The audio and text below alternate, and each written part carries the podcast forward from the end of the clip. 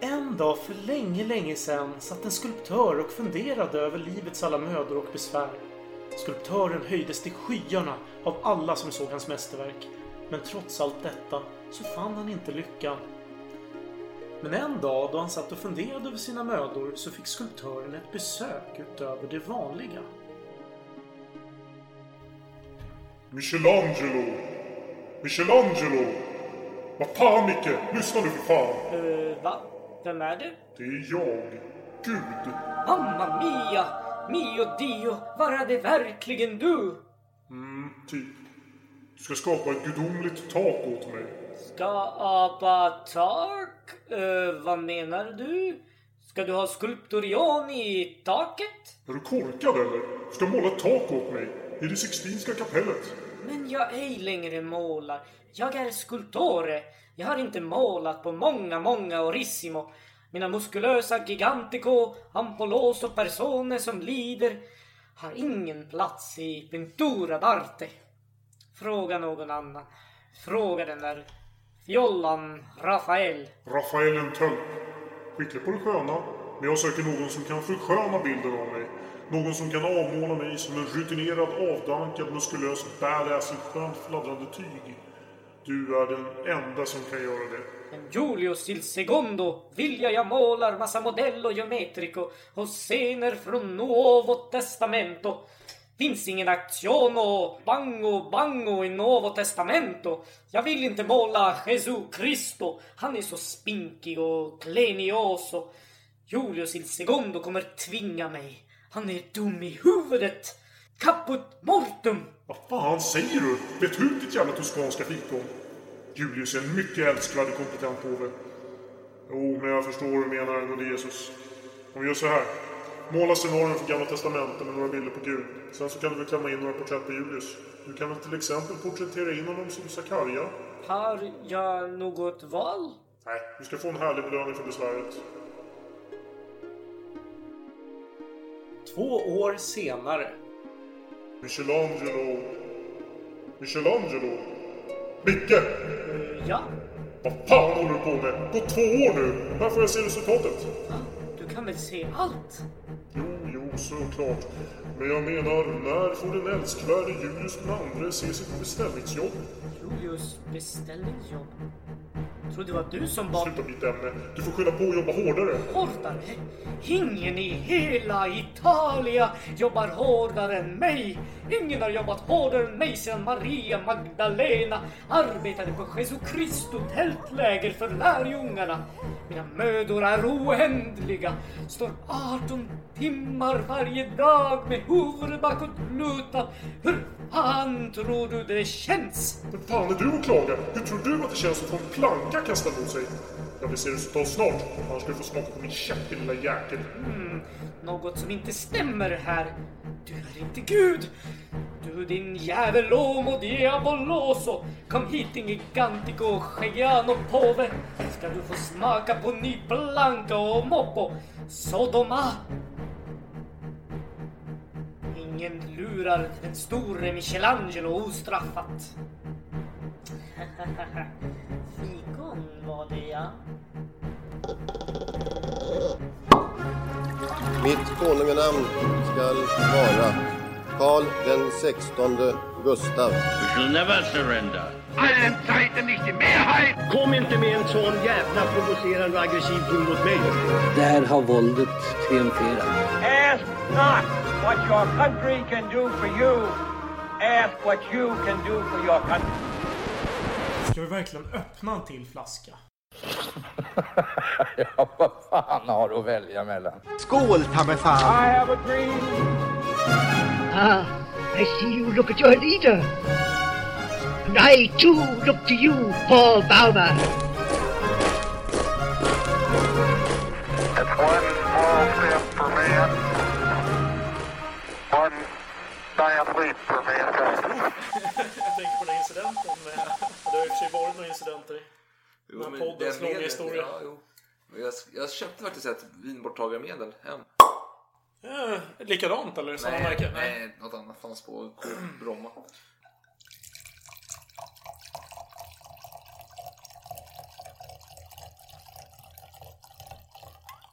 Välkomna till Salongsbrusad historia, er vän under påskhelgen. Långfredagen är en sorgens dag. Ja, jo, absolut. Det är en sorgens dag idag. Det är 16 mars. Det är en fredag. Alltid sorgligt. När vi spelar in ja. Ja, precis. Ni lyssnar ju förhoppningsvis på långfredagen. Eller någon annan dag. Det beror på. Eh, vi ska snacka lite om en skapelse idag. En speciell skapelse. En gudomlig skapelse. Men vi kan berätta att vi dricker en, ett vin här. Vill du berätta lite om det? Från Sydfrans? Det jag kan berätta är att eh, vinets namn påminner mycket om dagens ämne. Även om det inte är riktigt rätt. Nej, vad heter det vinet? Det heter Cuvée Sextant. Ja, precis. Så vi ska snacka om Sixtinska kapellet. Ja, Eller rättare sagt, vi ska prata om skapelsen utav takmålningarna i Sixtinska kapellet. Och även kanske någon väggmålning. Men det är lite Ja, kanske. Om, om, om, vi, om vi hinner med. Men, vet du vad? Vi har en lek först. Ja, fast inte, inte, ja, fast inte det. Alltså, Nej. det är ju så att jag har gått runt och tänkt och tänkt och tänkt. Jag har inte släppt det här med att du valde Men vad ger du nu för fan? Solkungen före eh, Gustav den, den andra Adolf. Och jag var lite, vet jag kanske blir lite väl orimligt upprörd över detta. Men jag har gått och tänkt på det länge. Och jag letar i arkiven, våra arkiv här. Och här vill jag bara spela upp. Du behöver inte kommentera detta, men jag vill bara spela upp för lyssnare som ser Det vilken- låter lite olycksbådande. Ja, men det här är alltså för att visa vilken kappvändare du är. Det här spelas in några, en, en, en, ja, vad kan man säga? En tid innan. Fan, jag känner mig som Nixon just nu. Men okej, kör. Så här sa du då. Vänta nu. Kan du namnge en kung som är större än Gustav II Adolf? Vänta nu. Kan du namnge en kung som är på större repeat. Jag... Det, var ju, det var ju en retorisk fråga och det är Ja, såklart fan, svaret är ju Solkungen. Jag visste att du skulle säga så, så jag har förberett ett Nej, svar mot det där. Typ, man har ju det tonläge att det är, för vi diskuterar Axel von Fersen jämfört med Gustav den andra Adolf och Solkungen. Detta var ett annat sammanhang då du hyllade Gustav den andra Adolf. Jo. Jag, vill bara, jag vill bara visa allmänheten din kappvänderi här. Ja, och sanningen är att detta spelades in när mikrofonen rullade ungefär en timme innan vi körde leken. Men jag tänkte utifrån ditt perspektiv, jag såg mig in i Ja. din själ. Bra och, eh, försök. utan- Bra ja. försök. Ja. Vi ska leka en lek i alla fall. Vem ska bort?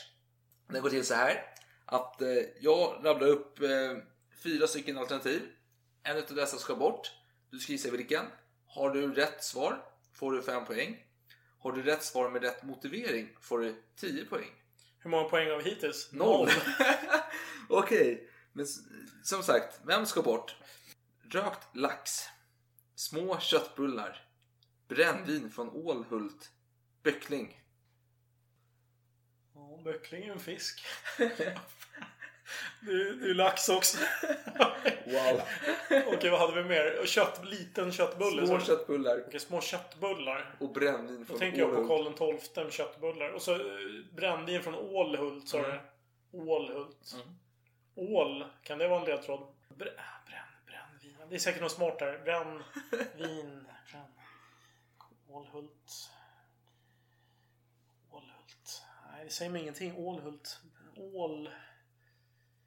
Ja, det är ju en lyxig matvara. Eh, Köttbull, just det. Okej, alla de här orden innehåller en fisk. Utom köttbulle. Det var ett jävla lökigt svar. Det är ditt svar. Nej. Ja, jag tror nästan att det måste bli det. För jag, jag har ingen aning faktiskt. Vet, vet du vad? Mm. Jag trodde du skulle svara med tanke på att detta kommer sändas under påskhelgen. Att det skulle ha någonting med påskbordet. Jaha, nu Trodde tänkte jag inte ens tanken att det Nej, skulle kunna okej. Men rätt svar, den som ska bort är böckling. Och motivering är att det är 16 mars, fredag. Fredagen den 16 mars. Nu får du tänka fritt här och se om du kopplar kopplingen. Fredag, det är ju idag ja. Eh, 16 mars. Böckling ska bort så. Ja. Ja, det är inte St. Patrick's Day ännu. Det har ingenting med det att göra. Men nu får du ge dig. Vad är det för associationer? 16 mars, det är en fredag. Det är maskeradbal. 1792. Jaha, ja, ja, ja. Det är ju Gustav III som blir skjuten. Ja, Men vad har det med år? på veckodag. Ja. Ja, fredag. Nej, men det får ge. Ska jag säga? Ja. Rökt lax, små köttbullar, brännvin från Ålhult serverades Jaha. samtliga på Peklins eh, Ja! lunchbjudning samma dag. Åh! Böcklingen däremot, den kommer från Adolf Fredriks sista måltid. Ja, men... eh, Och så var det såklart att han åt i hetvägg också. Det väl det mer han- känt han, kanske. Ja, jo precis. Man åt ju hummer, rovor med eh, kokat kött och lite andra saker. Rysk kaviar. Han åt mycket den dagen. Så du får noll poäng. Ja, den var svår. Jävla Det får du erkänna. Den var jävligt svår. Jag tyckte den var jätteenkel. Jaha. Du brukar notera vad Peklin... Ja, men det här vet alla. Det är avsnitt eh, två i poddens historia. Ja, Okej, ja, men det är bra. Om du har Aristokratiska referens till podden, del två. jag har inga ursäkter. Jag Nej, får, det- Du får skämmas. jag får skämmas. Skampålen. Skam på mig. Förresten, Ja. vi har ju ett nytt koncept här. Vi försöker ju komma i stämning för varje avsnitt. Så jag, jag tänker nu ta på mig en hatt. Bara för att Har du gått och köpt den, eller? Nej, den har jag haft länge.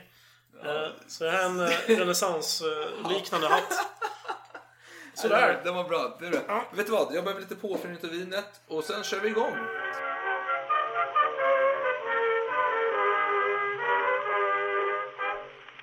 Sådär då. Och eh, vår historia, Börjar. ja, den börjar i... Egentligen börjar den med att Julius den andre föds. Men vi tar det lite senare. Och det är under vilken epok? Ungrenässansen. Jaha. Som började på 1400-talet. Slutade. Vi kommer komma till det helt enkelt. Ja, för vår historia börjar egentligen... Alltså vi har två huvudkaraktärer. Mm. Vi har ju Antagonisterna. Sylvester Stallone mot Dolph Lundgren här. Ja. Rocky. Det är Fast det- känsla. Ja, men är Aggressiva, bokstäver. båda är inte musk... Ja, okej. Okej, jag ger dig det. Båda är hetlevrade, inte muskulösa Den kanske. ena kanske är muskulös, ska jag säga. Ja, halvt va. Det finns vissa citat som stödjer mitt påstående, men vi kommer till det. Kraftig i en annan femma. Okej, men Ja. det är alltså Michelangelo och Julius den andre. påve på den tiden. Men jag tänkte vi börjar med Michelangelo då. Mm. Han föddes den 6 mars 1475. När vi spelade in detta var det 10 dagar sedan. I Caprese. Ja. Och han föddes i en timme då Venus stod i Jupiters hus. Och denna kombo var klockren. Den lovade framgång inom de konster som behagar sinnena. Som som målning, skulptur och arkitektur. Och det blev ju en sanning. Kan man lugnt säga. Och eh, Micke då? Vad kan man säga om honom? Jag kallar honom Micke. Jag tycker det låter trevligt så här. Ja, jag kom att tänka på det för att man, man tänker ju ofta kanske på den här äh, fula dängan här, Michelangelo. Mm. Michelangelo. Och när jag skulle låna den här boken som jag använde som källa. Då sa jag Michelangelo, lite omedvetet kanske, Mm. Ja. till bibliotekarien. Ja. Och, och då, då upprepade hon Michelangelo. som att hon rättade mig. Och då började jag skämmas och tänkte ja, det kanske är så det uttalas. Ja, Michelangelo. Så jag misstänker att det kanske är så. Ja, men jag säger Micke. Det känns lättare. Ja, kör på Micke. Vi tar Micke här. Och han hade då i tid ålder blivit upplärd till målare och varit lärpojke till Domenico Ghirlandaio. Jag vet inte om jag uttalar det. Ghirlandaio. Ja, och han fick ju ingen direkt stöd hemifrån för det här, Nej. den här yrkesbanan. Nej, nej, nej. För på den här tiden så var ju målare, det var ett av de sämsta yrken man kunde ha. Ja, För då använde man ju händerna. det var ju hemskt. Det är till exempel Leonardo Di- eh, DiCaprio, på att säga. Da da Vinci. Vinci. Ja. Alltså, han, han var ju sig målare, men Mm. han eh, såg ju skulptörer och sa att det var ett klent yrke. Man blev svettig och man var mer som en bagare än en riktig konstnär. Så just bildhuggeri var inte populärt. Nej. Det var ju till och med så illa att eh, hans pappa och hans farbröder slog honom när de såg att han höll på att teckna. För det var ju liksom... Det var ju skam för familjen. De var ju, de var ju lite fina av sig. De hade fina anor tyckte de själva i alla fall. Ja, men de var ganska få som tyckte det, verkar det som. ja, men i alla fall. Och han kommer ju till den här äh, Domenico i San Marco-trädgården som vars väljare var Medici-familjen då. Mm. Trevlig familj på den tiden i Florens. Väldigt stor familj. Känd familj i Jo då, Florens. jo de är, Makthavare. Verkligen. Många påvar från den familjen Ja. till exempel. Och där i San Marco-trädgården fick han lära sig bildhuggeri och fri konst. Och den här ledaren Domenico, han var ju en avundsjuk lirare. Som en gång hade skickat sin bror till Frankrike. Han ville få bort honom från Florens. Som själv ville vara ensam på tronen då. Så han var, den nivån var det på honom. Och han tyckte inte om Michelangelo eh, överhuvudtaget. Han tyckte att du, du är värdelös. Eller du är för bra. Så du får inte låna mina modellböcker som alla andra lärjungar fick göra. Och eh, ja, Micke då, han sa ju senare att han inte hade lärt sig något utav honom. Sa han i framtiden. Då, Nej, det var inte någon bra utbildning alls. Men han som var den starke mannen i staden, var inte det Lorenzo de Medici? Jo, Lorenzo de Medici. Just det. Medici säger jag. Med, säger jag fel då? Jag vet inte. Jag, är ju själv, jag har ingen koll riktigt på italiensk namn. Ja, ja, ja så att, eh, men, men i samband med att han dog, han kallades den storartade typ. Eh, när han dog i alla fall, då började man känna oro i hans familj. Så de Ja. flyttade därifrån och flydde till Bol- Bologna. Ja. Eller var det han som flydde till Bologna? Du får rätta mig. Nej, jag vet faktiskt inte. Det, Ja, jag de stack därifrån i alla fall. Jag kan se in handduken på den frågan. Men 19 års ålder började i alla fall Micke hugga statyer i Bologna. Mm. Och vid 21 års ålder begav han sig till Rom för att skapa ett, ett som blev, det blev hans stora mästerverk bland annat.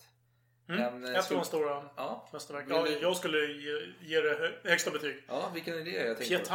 på? Pietà, ja precis. Det är en jungfru Maria som håller i sin, eh, Sin son. sin men, son men hon, dö, döda son i famnen. men hon ser yngre ut än sonen, vilket man kan diskutera. Ja, och, och han fick kritik för det. Micke fick mycket kritik för det. Men han sa ju, han var ju utav den tron att sexuella förbindelser gjorde att man åldrades snabbare. Och då sa han det att en jungfru kan ju inte åldras alls. Oavsett alltså om hon är 40, 50, 60. Hon måste ju se ut som 20. Det är rimligt. Din jävla hatt alltså. Det är Du ser skön ut i den. Ja, Ehm, ja men i alla fall. Men, men vi ska ju inte stanna där utan någon som noterade det här mästerverket, förutom han själv och eh, den här franska kardinalen som beställde verket. Mm. Det var ju påven som är vår andra huvudkaraktär. Precis.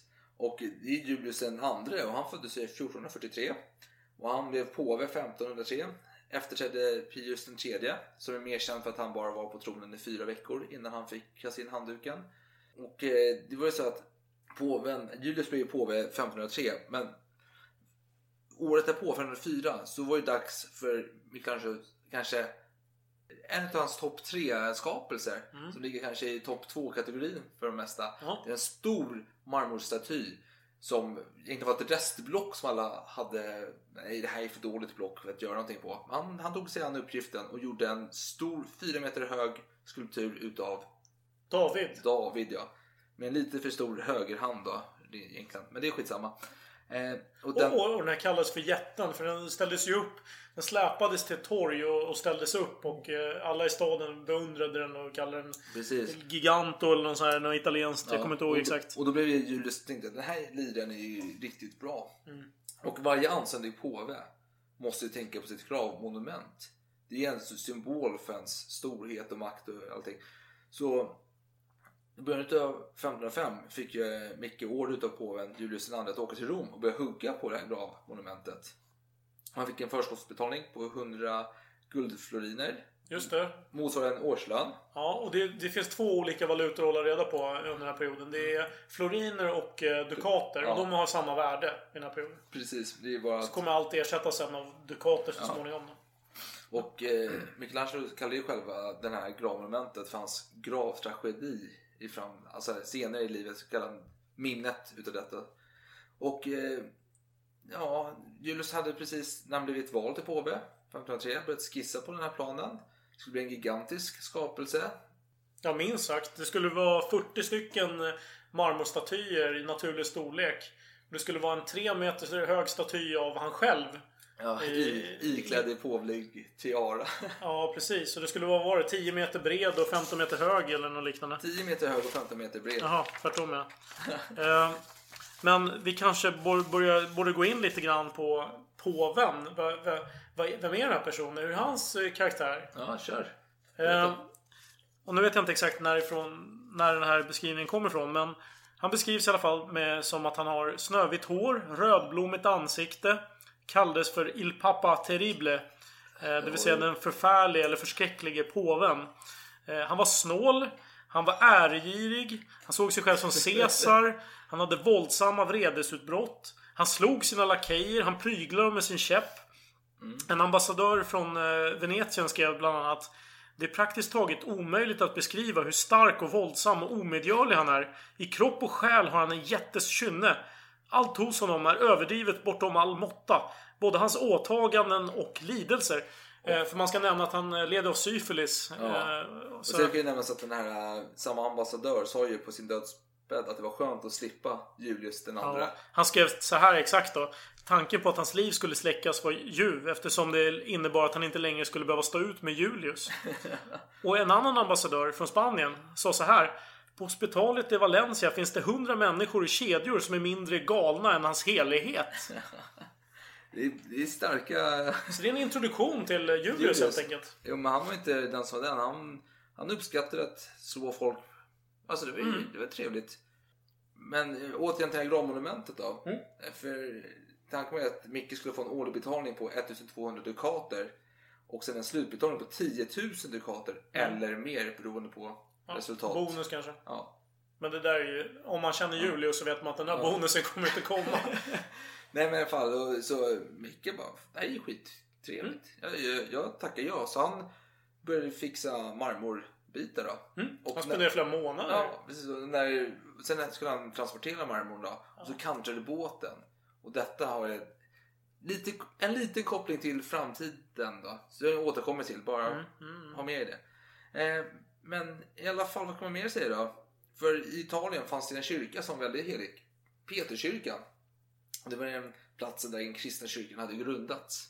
Just det. Eh, och det var den heligaste och äldsta kyrkan. Där Petrus fick påvevärdighet av Jesus. Mm. Men problemet med den var ju att marken var ju ganska dålig. Jag vet inte, vattensjuk vad man kallar den för. Eh, så det, 1505 då, och då lutade murarna på kyrkan två meter inåt. Så eh, Julius tänkte, det här är hopplöst. Vad ska vi hålla på den här gamla jävla reliken. Vi river skit, vi bygger nytt. Så alla de här relikerna, det var ju mycket heliga saker där, gravar. Men vad fan, tänk som Hjalmar Mer. Det, det, bort med det här. Fan, Hjalmar Mer, vilket... jä- Nej, nej nu blir jag arg. Ja, nu jag, blir jag jag arg. räknar lite med det faktiskt. Du vet vad som triggar mig. Ja, Ja. Hjalmar Mer och en del annat. Mm. Som, som, du, som alla vet, att bygga nytt kostar pengar. Framförallt om man ska bygga en ny kyrka i storskalig klass. Så detta innebar att gravmonumentet blev mer eller mindre inställt. Och eh, Michelangelo behövde ju pengar nu för han har ju lagt ut eh, 140 dukater för marmorn som han hade fraktat till Rom. Under middagen med Julius då, så hörde han Julius säga till några andra att han inte skulle betala något alls mer för gravmonumentet. Den här middagen, det var att han eh, ansökte om audiens och så började han snacka och... Ja, och Michelangelo började fråga honom då men blev avvisad. Ja, Så så, det- så här, kom tillbaka på måndag så fixar vi det. Ja. Sa han till Michelangelo. Micke kom på måndag, han, är, han, Ja. han litar på Julius. Ja, visst. Men det här skulle han inte gjort. Nej, så han kom tillbaka på Han tisdag, onsdag, torsdag.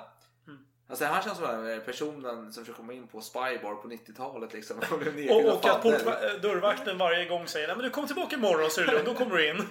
Och så gör han det några gånger. Till slut blir han så jävla förbannad så han flyr förbannad så åker han därifrån och lämnar efter sig allting. Eller hur? Ja, ja, men, jo, för det är så här, på fredagen så blir han ju motas han bort av vakterna. Så bara, nej, nej, du får dra åt helvete här. Och då blev han ju sur och bad sina tjänare sälja alla lösören till judarna i kvarteren. Och så begav han sig iväg den 17 april till 1560 detta begav han sig till Florens. Och det, detta är faktiskt intressant, för det var samma dag som Peterskyrkan, första spadtaget tog. Eh, Nu för tiden har man ju den här, alla politiker som kommer symboliska bilden med ja. spaden. Men här, här var det på riktigt. Här var det riktigt spadtag som... Ja, ja. Antar jag vet fan. Nej. Jag bara spekulerar. Ja. Men i alla fall. Men påven har ju spioner överallt. Det är ju så. Han är påve. Och det här var ju trotsande av påven bara lämna staden och inte fortsätta Det för att man inte inte fick okej. Det betalt. är inte okej. Nej, nej, nej. Så påvens män red efter Micke. Trakasserar mycket. Mm. Och han visste det att eh, att inte följa påvens order, det är ju förenat med livsfara. Precis, så han behövde komma fram till florentinsk mark eller territorium för att vara trygg. För där kunde inte påven utöva något. Han hade ingen domvärjo där.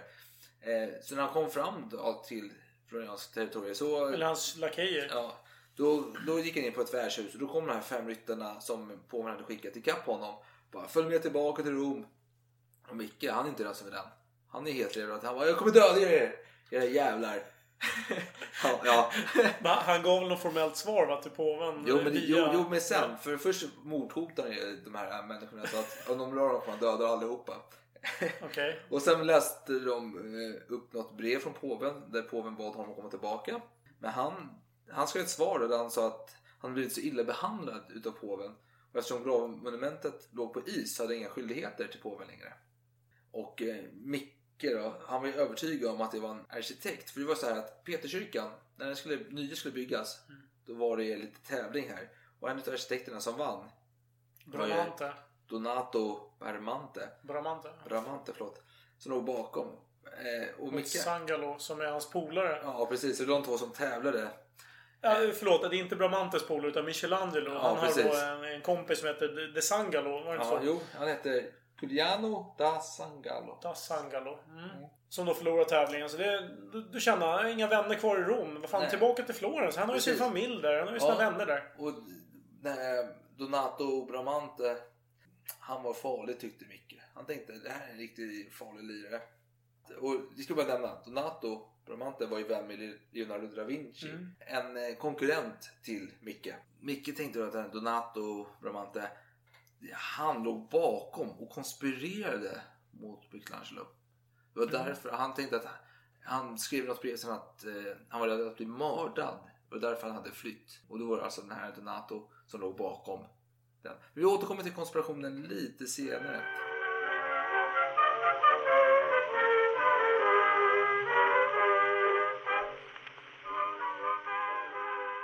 26 augusti 1506 begav sig Julius iväg för att kriga. Och Kriga, en påve som krigar. Ja, det var inte vanligt. Men han skulle leda militären dessutom. Han var ju extrem. Hetlevrad man. Ja. Och det som skulle få oss en påvlig örfil i form av krig var Bologna och Perugia. Ja, för de hade ju dristat sig att inte erkänna den påvliga överhögheten utan Mm. försökte vara självständiga på något sätt. Precis, och på morgonen bars påven i sin bergstol till Porta Maggiore. Den välsignade det som hade kommit att ta farväl för honom. Och Vatikanska kören stod och sjöng lite sköna psalmer och det var trevligt.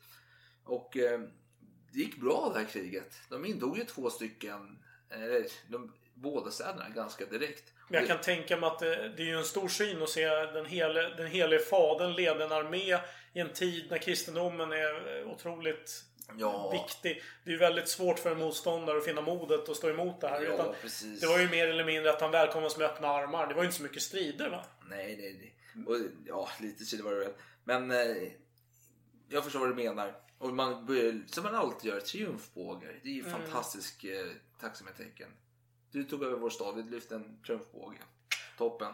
Men när han kom till Bologna tänkte han, "Va, triumfbåge, det är, nej, passé, alltså det är, det är inte alls trevligt. Vi gör något annat. Jag, jag behöver någonting som hyllar mig. Alltså jag är ändå en Jag krigarkung. förstår hur du tänker. Du, Jag, jag behöver en bronsstaty på En fyra, bronsstaty, ja, fyra bra. meter minst. ja. Det är Gäller lämpligt. inte en bra bildhuggare bara som kan fixa det? Vänta, jag hade en jävel som körde gravmonument. Var det inte någon som gjorde någon, den där Pietà? Vad var det som gjorde den? Vad fan var det nu igen? Var det Micke kanske? Ja, Micke såklart. Micke ska göra den här. Jaha. Och Micke blev inte så jävla glad. Bara, "Va, Vänta, ska jag gjuta någonting? Ja. Jag, kan, jag kan inte gjuta. Jag, är ju, jag håller ju på och formar med sten och sådär. Fan, jag gör metall. Och, det där är ju... Ja, för gjuteri är farligt och framförallt bronsgjuteri. För till och med Da Vinci hade ett misslyckat bronsgjuteri lite- några år tidigare. Och, eh, men nu blir Michelangelo kallad till Bologna då för att möta påven och ta sig an den här uppgiften. Men han var rädd. Han var så rädd för sitt liv så han krävde ett intyg på att han inte skulle bli skadad om han kom dit. Och när han fick det så begav han sig till Bologna och då träffade han påven Julius och fick ligga på knä och be om ursäkt. Det är ganska roligt att se för man kan se framför sig den här Ja. hetlevrade Michelangelos ligger där. Alltså han är inte den som är den utan Nej. han slänger eh, spydomar mot alla som han träffar. Ja, har vi beskrivit Michelangelo i detalj än? Jag tänker vi kommer till det snart. Ja, okej. Eh, hoppas Då parkerar vi det lite. Men han det. är hetlevrad. Ja, ja, han är hetlevrad.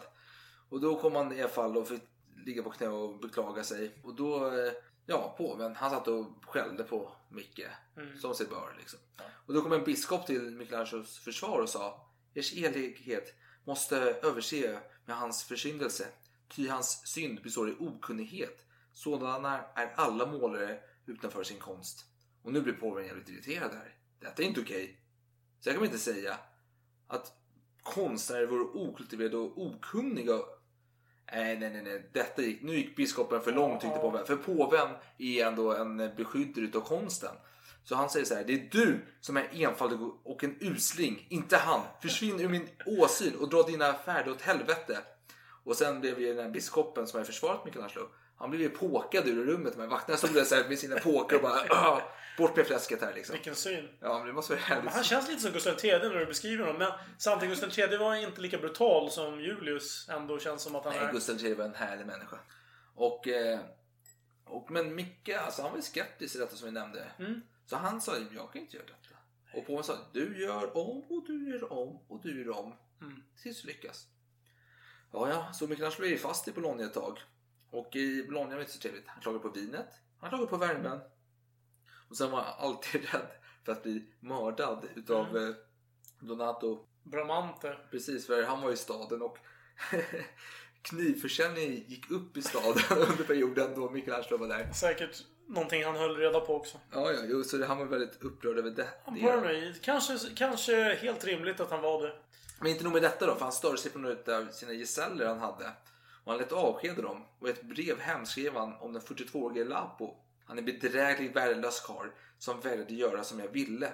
Han hade otur här. Alltså han fel folk på fel plats. Man ska nämna det att alla konstnärer hade ett stort antal gesäller som gjorde grovarbetet. Mm. Man, man visade dem. Och eh, Michelangelo var ju kanske inte den bästa mästaren att ha gesäller. För att han, han kompetensutvecklade inte så mycket. Nej, han hade inga lärjungar. Om man säger så. Han, alltså han utnyttjade billig arbetskraft. Det var Ja. mer hans signum. Om de inte kom från en väldigt fin familj så var det inte värt att överhuvudtaget ge dem några som helst instruktioner. Ibland kunde han kasta ifrån sig någon eh, teckning och, och låta dem Ja, titta på den. Men det var på den nivån. Ja, han var inte mer än så. Han var ju inte direkt trevlig heller. Nej, Nej. ska vi gå in på hur, hur äcklig han är? Ja, du, kan nämna det riktigt. Ja, okej. Det här har ingenting att göra med hur äcklig han är då. Men han, han beskrivs som att han var plattnäsad och hade skägg. Och eh, han hade dålig hygien. Och då finns det en eh, ledarstecknare levnadstecknare som ledde från, i, under hans tid som heter Paolo Giovio. Som skrev så här. Han var så oborstad och råbarkad till sin natur att hans vanor i hemmet var otroligt snuskiga och förmenade eftervärlden de eventuella elever som kunde ha efterträtt honom. Och eh, hans pappa gav det här rådet då till Michelangelo.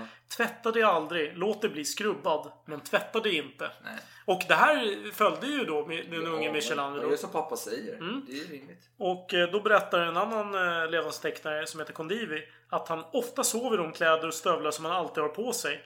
Och ibland har det hänt att han har gått så länge utan att ta dem av sig att huden sedan lossnade som ormskinn samman med stövlarna. Så när han tar av sig stövlarna så lossnar en massa död hud. Alltså, Trevligt. det här var alltså uppseendeväckande vidrigt. Även på Ja, 1500-talet. och nu, nu talar vi inte nutid när folk håller på att duscha varenda jäkla dag. Utan det här är när eh, en tid då människor i bästa fall bytte kläder och gick till offentliga baden högst en gång i veckan. Så det säger ju någonting. Säg någonting om att han var ganska äcklig. Mm. Men påven lämnade i alla fall eh, Bologna och åkte tillbaka till Rom. Och sen som ett brev på posten så kom ju pesten till Bologna. De människorna som blivit fördrivna från staden när påven tog över kom ju tillbaka och skulle försöka... Man kan ju undra om det var en sammanträffande att pesten kom till, precis när påven stack. Det känns ju lite som pesten-avsnittet när de Ja, höga männen där sa att nej men det är ingen pest och sen flydde de själva staden. Sen blev, Kan vara blev så, men, men Micke fick vara kvar och kämpa då. Mm. Och när det skulle gjuta statyn, den här bronstatyn, så visade det sig att ugnen inte var tillräckligt uppvärmd så det misslyckades.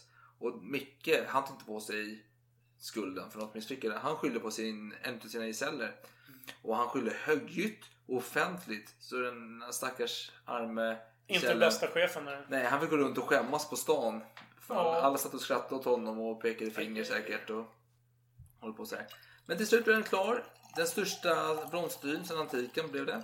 Mm. 21 februari 1508 sattes han upp och strax på resan hem till Florens. Och han hade under de senaste månaderna brevväxlat ganska häftigt med sin eh, vän och välgörare i Rom. Då. Tidigare nämnde Da Sangalo. Ja, och kardinal Aledosi i hopp Mm. om att få arbeta på påvens gravmonument igen.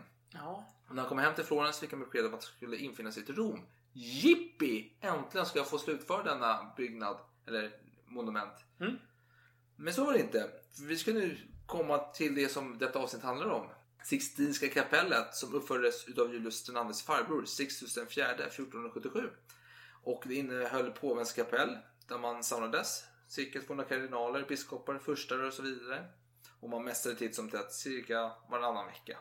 Och det användes då vid konklaverna för att utse en ny påve. Det var dess funktion då. Fortfarande är det dess funktion. Precis. Efter ett krig mot Florens som tog slut 1480 skickade Medici flera konstnärer till Rom för att måla väggarna i Sixtinska kapellet.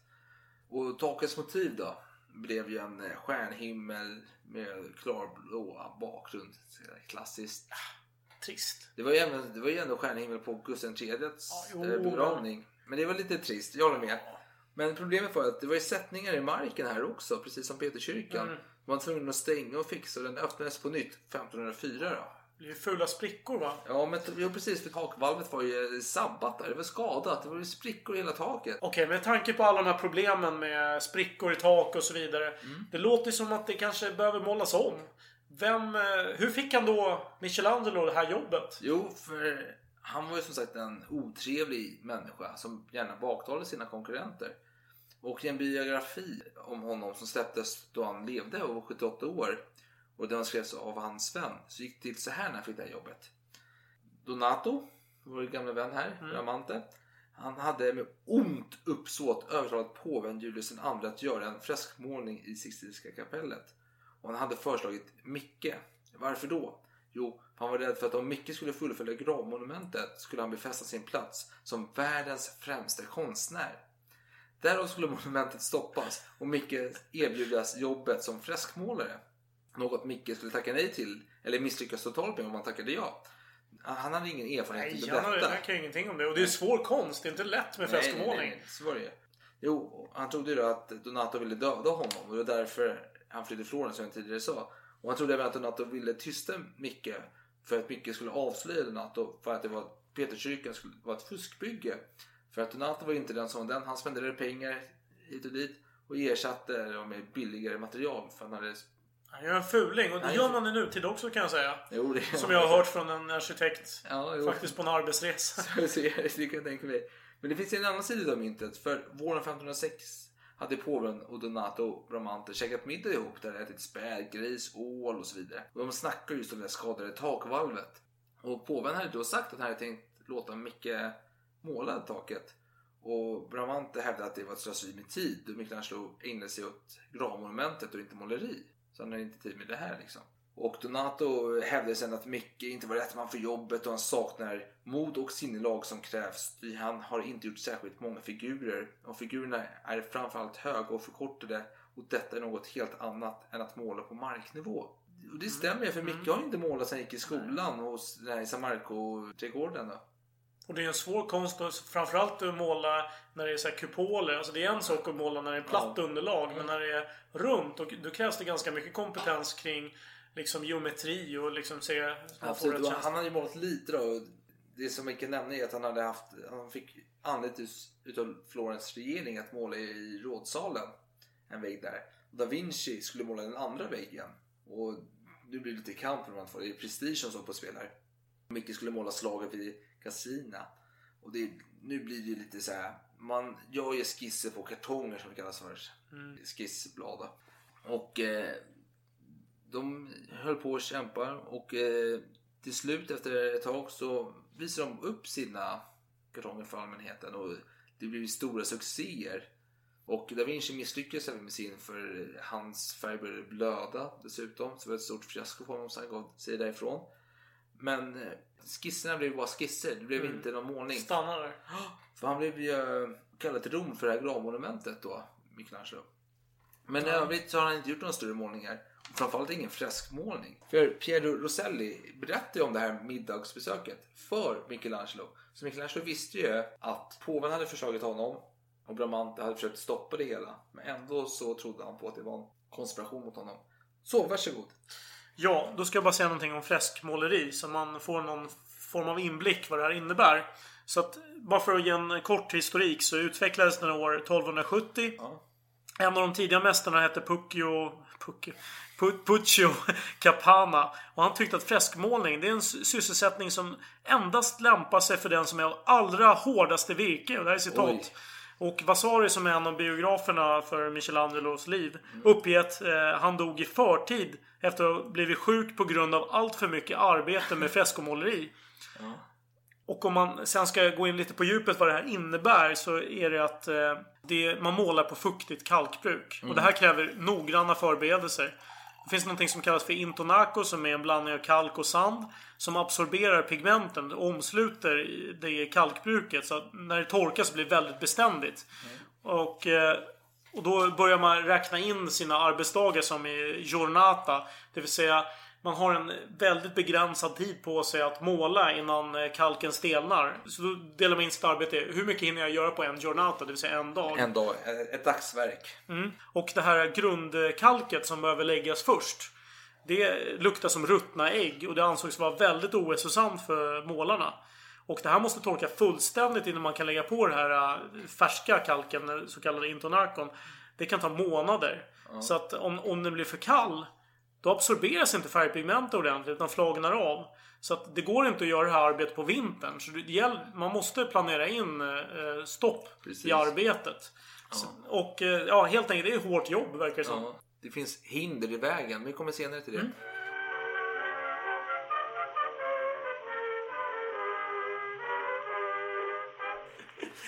Det roliga, det roliga är att jag hade en freskomålare lyssnat på avsnittet där de liksom bara stuck ur sig ögonen. Vad är jag för jävla idiot? Hålla sig borta. Hålla sig Palmemord. Ja, var det dags för italiensk vin. Lite kontrast. Vad, ka- vad heter det då? får du presentera den här gången. Vad sa du? Nu får du presentera nästa vin. Det är en Amarone då, en Classico. Och det är en... Jag ser inte vad det står för mörkt i. Men det är en klassiker. Det är väl det enda som Ja, betyder något. ett 2013. Jag, var jag, frågade dig vad du hade för vin hemma. Och- du sa att du inte hade något italienskt. Jag tänker italienskt måste vi ha med detta ämne. Vi måste ju få känna någonting. Så jag fick rota i skafferiet och hittade det första bästa då. Men det är bra. Det, det här känns som en bra mix för just det här avsnittet. För det kretsar ju mycket kring Italien och även Frankrike. För det är franska kungen som lägger sig hela tiden. Ska invadera Italien och hålla på och käbbla. Och det är underbart. Men, Underbar men läsning. nu ska vi tillbaka till vår historia. Vi skiter i den franska Ludvig den XII. Gör vi verkligen det? Ja, okej. För, för nu så gör vi det. Eh, var var vi någonstans? Oj, vilken skillnad på vin. Jaha, var det Ja. bättre eller sämre? Intressant. Jag får avgöra efter ett tag. Det andra var mycket Det trevligt. slöpt. Det här var annorlunda, men det var... Det är gott. Ja, men återigen till historien. Fem, april 1508 blev ju han kallad till Rom igen. Och Han fick eh, bo, eller hade sin verkstad där man bodde då, bakom Santa Caterina och han var 33 år gammal vid tidpunkten. Och han skrev den 10 maj så här.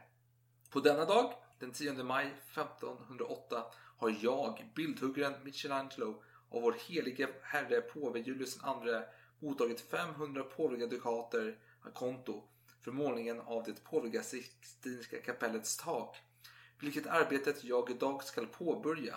Och detta var minnesanteckningarna han skrivit då. Men han påbörjade ju inte det direkt. Men det är skitsamma. Men han fick ett kontrakt då. Eh, där han skulle få 3000 dukater för besväret. Vilket motsvarade 30 gånger mer än en guldsmeds årslön på den här tiden. Dock var han tvungen att betala materialet själv. Alltså det var inte så att du Mm. fick några När du fick här. utlägg liksom. så får du hoppas att någon betalar det i slutändan. Ja, du betalar ju med din lön. Ja, jo, Jo, men... Penslar, pigment och så här. Och löner till sina gesäller fick han betala själv. Mm. Huset de skulle bo i fick han betala själv. Ja, men han bor inte så flott. Nej, han bor ju väldigt trångt och jävligt. Då. Ska vi citera honom själv här? Ja, gör det. Ja, jag kan inte ordagrant vad han sa, men att han eh, levde fattigt och han, han bodde tillsammans med sina gesäller i, någon- i, samma säng tror jag till och med. Och Ja, de ja. levde i misär. Han njöt inte om mat. Han stärkte sig blott med ett stycke bröd och lite vin enligt eh, någon eh, samtida källa. Han tuggade på en brödkant medan han skissade och målade. Han var levde- hängiven sin konst, tänker jag. Ja. Han har inte tid att äta, han sitter och målar. Han ska Precis. skissa. Men han gillar att beklaga sig samtidigt. På hur hemskt han har det. Ja, men han, han Och- är självplågande människa. Ja, precis. Då, då kommer jag faktiskt tänka på den här podden. Vår podd. Precis. Ja, jo, jag, jag tänker lite så här. Och då vill jag citera honom själv då. När han skriver till sin bror. Eh, Jag arbetar hårdare än någon annan som någonsin levt. Jag mår inte bra och är utsliten av dessa oerhörda mödor. Och ändå väntar jag tålmodigt på att uppnå det önskade målet. Även du kan alltså tåla i två månader då du har det tusen gånger bättre än jag. Och eh, bara för att citera Jesus. I Matteus evangeliet eh, 17-14. Och du otrogna och vrånga släkte. Hur länge måste jag vara bland eder? Hur länge måste jag härda ut med eder? Det här är då 1917 års eh, bibel ifall ni undrade Ja. över års... Ja. Men vi, vi okej. kör vidare. Ja, Det var en eh, okej. sidonot. Ja. Lite skeptisk till eh, relevansen, men okej, absolut. Men freskmålning var någonting som krävde sitt, eh, Mm. sin kunskap som du nyss sa. Det var ju en vetenskap kring det. Mm. Så Micke, han kunde inte detta. Han var inte van med detta. Så han tog in gesäller som var rutinerade freskmålare. Och han tänkte utnyttja dem maximalt. Han, ju, ju- han skulle ju sparka dem så fort han hade lärt sig någonting av dem. Var ju Ja, tanken. för de fick ju löner då, som var 20 dukater i en klumpsumma. Och det var en väldigt kort period va? Var det inte några månader bara så? Nej, alltså det var ju så här... Tidskontrakt. Nej, ja, nej. Han, det var underförstått att han skulle sparka dem när Mm. han ville. Mm. Och eh, historien, myten gällande att han gjorde denna målning helt själv. Men det stämmer ju inte riktigt. Nej, han hade inte. Giselle med sig hela tiden. Men åter till det senare. Mm. Nu är det så här i alla fall. Att eh, det behövs ju... Man måste, först måste man ju riva den gamla målningen som finns i taket. Så eh, han ber sin vän Roselli som Mm. har varit med på middagen. Just det. Eh, eh, Och han fick uppdraget. Det skulle ta dem tre månader att tacka bort den här För det är ingenting man gör själv. Det här anlitar man konsultbolag Ja, ja, som fixar. precis. Och det är så att Och de var ju väldigt duktiga på det Jo, också. men man måste ha en st- ställning också. Mm. Det pågår ju mässor hela tiden. Ja, just det. Man får inte störa påven när han kör sin mässa. Så Bramante Donato, han kommer på någon jäkla ställning som ska hängas upp i taket. Ja, med då måste man borra fula hål. Då måste man ha täckar och, och, Micke tänker det här är ju Nej. typiskt ett fuskarbete. Alltså det Ja. här, är- Ja. Han, han är inte seriös aktör, han är fuskbyggare. Liksom. Exakt. Plus att han hatar Bramante. Ja, så. precis. Så Micke skissar en egen. Ja, och vänta först och främst fick han en tillåtelse av påven. För han, han tjafsade så mycket om det här. Bara, Fan nej, Bramante är en idiot, bla bla. Och då tänkte påven bara Jaha, men om du ska tjafsa så jävla mycket. Okej, du får fria händer. Du får göra det här själv. Lös bara uppgiften. Och det gjorde han. Ja, en bågformad ställning då, som lämnade Mm. golvet fritt för eh, mässan. Man ska nämna att han är inte bara eh, konst, alltså bildhuggare utan han har ju ändå aspirationer för, för arkitektur Arkitek- också. absolut. Han har ju sedan tidigare försökt skissa på någon bro och liknande. Ja. Att, eh, Absolut. Ja. Och eh, på den här tiden, alltså de flesta så här målningar, freskmålningar, man fick ju ändå en klar bild. Det här skulle du göra, det här slaget, så här skulle det se ut. Mm.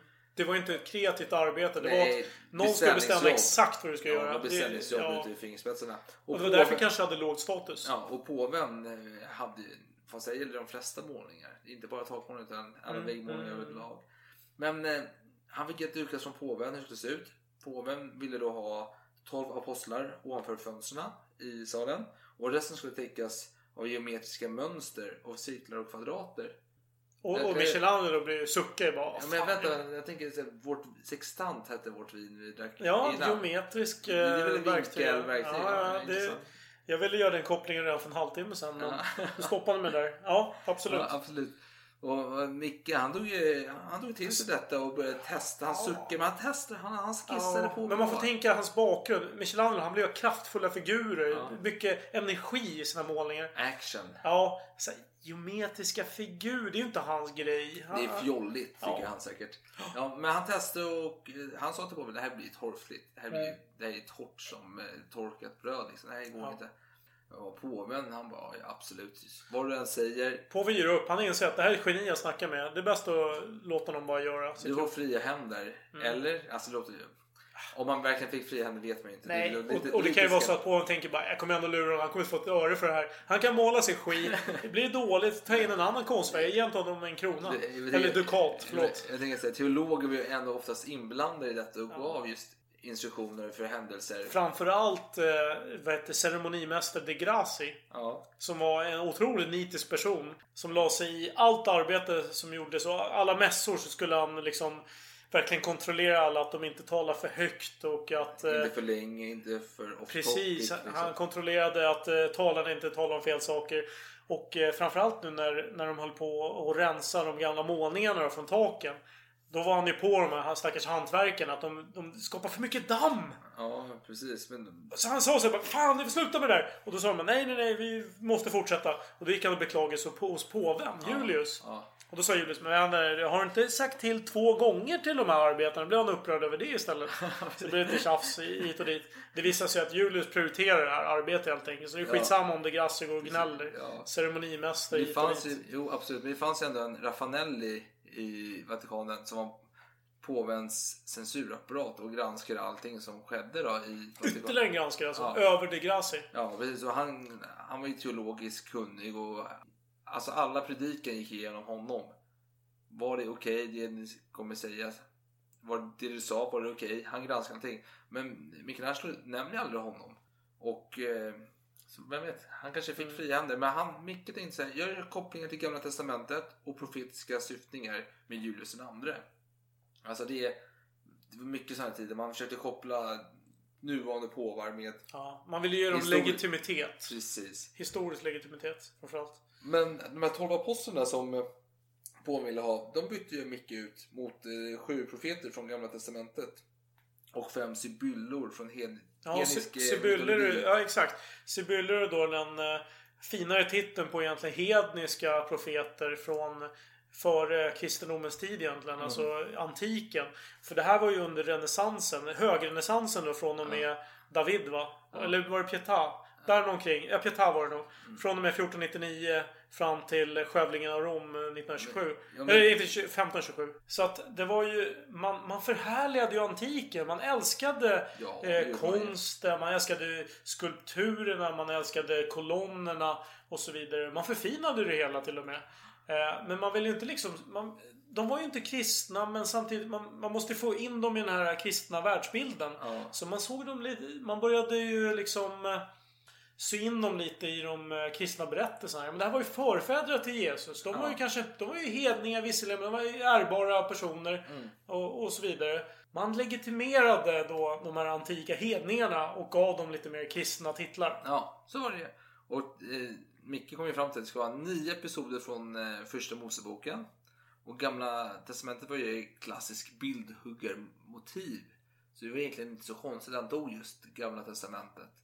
För han var ju ändå en bildhuggare. Han skrev ju alltid sina brev bildhuggare Michelangelo. Det var Ja. det han signerade sina brev Han identifierade sig som bildhuggare. Ja. Och det fanns ju gott om eh, antika skulpturer att studera. Han tog ju väldigt mycket inspiration från de här gamla eh, statyerna. Dels i Bologna och i Florens och i Rom. Ja, absolut. Och i, men i Rom, alltså Rom är en häftig stad kan man tycka. Och hans bröder kom man på besök. Och det tyckte han var jobbigt. Familj är jobbigt. Så han Hans försökte- familj framförallt är jobbig, det Ja. kan jag intyga. Ja, men han försökte ju avråda dem att komma och skylla på den dåliga luften. Men en bror kom dit. Mm. Men blev sjuk ganska direkt. Och Micke var... Han blev sjuk på grund av luften. Han måste Mm. åka till Florens direkt. Och detta gav honom lite så andrum då. För nu Mm. kunde han ge... Ni, ser, ni såg vad som hände med vår bror. Han blev ju sjuk. Mm. Man ska säga att under den här perioden och under hela hans liv egentligen så höll han ju kontakt med sin familj. Han skrev ju ungefär varannan vecka. Mm. Och det var ju inte så lätt som det är kanske... Framförallt inte som det är idag med e-post. Men, men även med vanlig post. Det fanns ju ingen reguljär Nej, post på den här tiden. Så man var antingen tvungen att låta en vän eh, färdas mellan de här städerna. Eller se någon karavan på något sätt så får man eh, muta någon. Ja. Så det var inte så lätt. Men han, han inte. höll korrespondens med dem. Men i alla fall, vi måste gå vidare i Mm. berättelsen tänker jag här. Och eh, medans eh, hans vän Roselli höll på att fixa taket och hugga bort den gamla målningen så höll ju Micke på att skissa för taket då. Och eh, i september, efter fyra månader hade gått då sedan han skulle ha kontraktet, hade han gjort klart sin, sina första skisser för första motivet till taket. Och det var så han kom att arbeta. Han gjorde skisser, målade delar på taket och sen nya skisser. Mm. Men i oktober då så var det dags att börja. Och han beställde rep och segelduk. Mm. Segelduk skulle förhindra att färg droppade ner. Och eh, dels att man skulle ha som en skyddsnät om man skulle ramla ner från ställningen. Mm. Och dels Mm. så var det hans stora glädje. Man ser ju inte upp på målningen. Nej, det är bra. Han kan ju kan- arbeta i hemlighet. Mm. Det är fantastiskt. Det är fantastiskt. Man ska nämna att den här beställningen gjordes ju med Bramantes skiss med de här upphängda, upphängda ställningarna. Och, eh, men med Michelangelos förslag som innebär mer... Eh, hur ska man förklara de här ställningarna som han har designat? En De är- bågformad. Ja, bågformat och de fäst liksom i kanterna på något sätt. Ja, precis. Eh, och, det, och det är halva kap, eh, vet, valvet som, som omfattas. Men okej, hur som helst så blir det mycket billigare konstruktion och man använder inte alla de här repen. Och det finns en ane- anekdot vad man gör, vad Michelangelo valde att göra med de här repen som man ändå hade köpt Ja. in. Jo, han gav dem till den här eh, stackars hantverkaren då, som skulle sätta ihop allt det här. Ja. Och eh, han i sin tur, han sålde de här repen och bekostade då sina två döttrars hemgift med dem. Så det var ju en trevlig, Trevlig. sak. En Väl- avrundning och ett hån då, av eh, motståndaren Bramante egentligen, Ja, indirekt. Han, han var dyr och värdelös tyckte han. Ja. Men i alla fall, man var tvungen att börja måla då. Eller börja sitt arbete. Mm. Man var tvungen att klättra upp 18 meter upp på sändningen. För att komma upp till målpositionen. Och ljuskällor då var facklor och fönster i mån det var dagsljus. Då. Eh, taket var då någon meter över deras huvud. Och det målade stående med bakåtlutat huvud. Och inte liggande då som myten igen. Jag minns ju min barndom. För jag har minnesbilder av att det är så här fackligt ändå. Han ligger på någon jävla ställning och målar. Men så var det inte. För, för den myten kommer från en bok från 1527 där författaren Paolo Gi- vad heter han? Tack. Använde ordet Resupinos när han Mm. beskrev Mickes hållning då, när han målade. Mm. Resupinos översätts oftast felaktigt som liggande men betyder bakåtlutad. Mm. Men till översättares försvar så i latinska formen av ordet betyder både liggande och bakåtlutande. Mm. Jag har gjort en liten spaning här. Jag har gjort Ja. en Google Translate på Ja. just eh, Resupinus. Och det ger hela nio olika översättningar. Det här kan intressera dig. En av de översättningarna är indolent. Och, och lat är en annan. Men ingen av dem är faktiskt liggande på rygg. Oj, men med tanke på hans Michelangelos karaktär så ja, varför inte? Mm. Indolent kanske det är som menades. Kanske. Ja, men fall, de började måla från öst till väst och de började ovanför ingången. Det var en ganska dold plats i salen. Han vill ju börja, han vill inte göra det svåraste först. Han vill ju lära sig. Vilket är väldigt pragmatiskt. bra bra jo, tänkt. Man tänker att det är den platsen som inte syns så mycket. Mm. Och syndafloden då blir hans första motiv. Det är muskulösa kroppar i dödsscener. Och där har vi en erfarenhet när hans marmorblock Mm. Ja, men det är ju det han kan. här, Kraftfulla figurer. Det var ju ofta att Tibern eh, blev översvämmad och folk dog och lev, ja, led. På den här tiden, det var ju inte alls så kraftfull konst som man gjorde. Det var ju folk i väldigt eh, så här, avslappnade poser som kanske gjorde någon menande gest. Men det var ju på den nivån. Som Rafael då, som är en eh, väldigt stor känd konstnär. Mm. Skicklig på just att skildra mer passiva varelser. Men Michelangelo, han, hade, han företrädde något helt annat. Det var kraft Ja, i men han konsten. är actionfilmer. Han är som Exakt. 80-90-talets actionfilmer. Det var innan action fanns. Det bara kommer in, såna, eh, då kommer in kommando liksom. Från ingenstans. Bara, Va? Vad är det här? Precis. Men efter ett tags arbete så var ju Micke missnöjd. Så han håller fram hammaren och skruvmejseln och hugga bort det han hade gjort. Och varför det då? Alltså han hugg- hugger bort den vänstra delen av målningen. Det är ganska mycket. Han har förbättrat sin teknik. Var missnöjd? Var någonting som var fel? Man vet inte. Den enda delen som klarade sig är en eh, grupp som tältar på en klippa i Syndaforum. Så googlade jag och tittade. Jag vet inte om den är så jävla Mm. bra, men den är i alla fall det är den delen när de sitter på en klippa och tältar. Själva hela den här skapelsen gjordes utav Michelangelo plus gesäller så man vet inte vilken del som är vilken, vem som har gjort vad. Det enda man vet som Micke har gjort det är en muskulös gammal man som håller en livlös kropp i sin famn. Vilket påminner ganska mycket om Pieta såklart. Eh, men men västra sidan tog då 19 dagsverk. Mm. Jag ska bara kort flika in att när det gäller freskomålning kan man fuska. Man kan göra al secco, det vill säga man må- målar på i efterhand när allting har torkat. Men det innebär ju mycket mindre beständighet på målningen. Att det, det flagnar ju efter ett tag. Ja. Eh, till skillnad från då bon secco, när man gör allting när det är färskt. Och det var ju det han så småningom Ja. skulle göra allra mest av. Precis. Men just den här syndafloden. Mm. Hela bilden tog ju 29 giornate. Giornate, ja. Som var 29 dags- dagar alltså. Vilket motsvarade 4 till 6 veckor. Och detta var ju inte snabbt jobbat. För varje giornate var ju 65 kvadratcentimeter. Och det var ju Mm. ganska lågt under genomsnittet på den tiden. Min, min tanke där är att gesällen kanske gjorde helt fel. Så blev han förbannad och så eh, avbröt han arbetet och på och piskade Eller gjorde han fel då? Ja, jo, det är möjligt. Men han använde sig även utav en långsam teknik som kallades för spolvero. För att få en mer exakt kalkering utav kartongen när man gjorde skissen. Eh, Så det tog ju också lite... Ja. Det kanske påverkade. Men det var nog rätt att eh, börja försiktigt. För att lära sig hantverk ordentligt. Och som du nämnde tidigare, alltså de hade börjat i oktober. Deras långsamma tempo gjorde att det blev lite uppehåll för vintern. För det var Mm. inte så gynnsamt att måla i. Nej, det går inte. Det, det är stor risk för att det blir sprickor och inte fäster ordentligt. Ja. Man kan alltid fråga sig varför en syndaflod? Vad är relevansen med det? Jo, det är så här. Michelangelo, han beklagar sig väldigt ofta över italienarnas synder. Och trodde att det precis som vi nämnde i pesten-avsnittet. Är det en pest? Men då är det Gud som straffar oss för att vi har eh, knöt runt för mycket. Det är den nivån. alltså, det är, och Micke var en av dem som trodde det. Så. All, allt fel som hände var ju för att vi hade syndat. Han hade som ung hänförts av Girolama Savonarola. Och eh, det är en, ni som har sett Borgia-serien, har du sett den? Nej. Det är en jävligt bra serie. Eh, Jeremy Irons som Borgia, Alexander den sjätte. Men där finns i alla fall karaktären med där och den gestaltas... Oh, om jag minns rätt, Steve Burkhoff. Med i filmen Octopussy, James Bond. På 80-talet eller någon. Eh, han, han, jag för mig, jag kan ha fel, men jag för mig att han spelade den karaktären i serien Borgias då. Men här, Savonarola var ju en så här old school leader. Alltså han, han predikade inte om Nya Testamentet. Skit i det. Jag tar de här, ni har syndat och Gud kommer straffa er. Och det blev bara så det gjorde liksom. Och han skrev en bok om att Gud fortfarande sände profeter till, eh, på jorden. Mm. Men jag som är lekman är inte insatt här. Ja. Var det inte så att han blev avrättad när Savonarola? Jo, men jag kommer dit. Det, det, det som är intressant. Ja. För han skrev en bok om att Gud hade profeter. Och vem var en profet? Vad sa du? Vem var? Vem var profeten?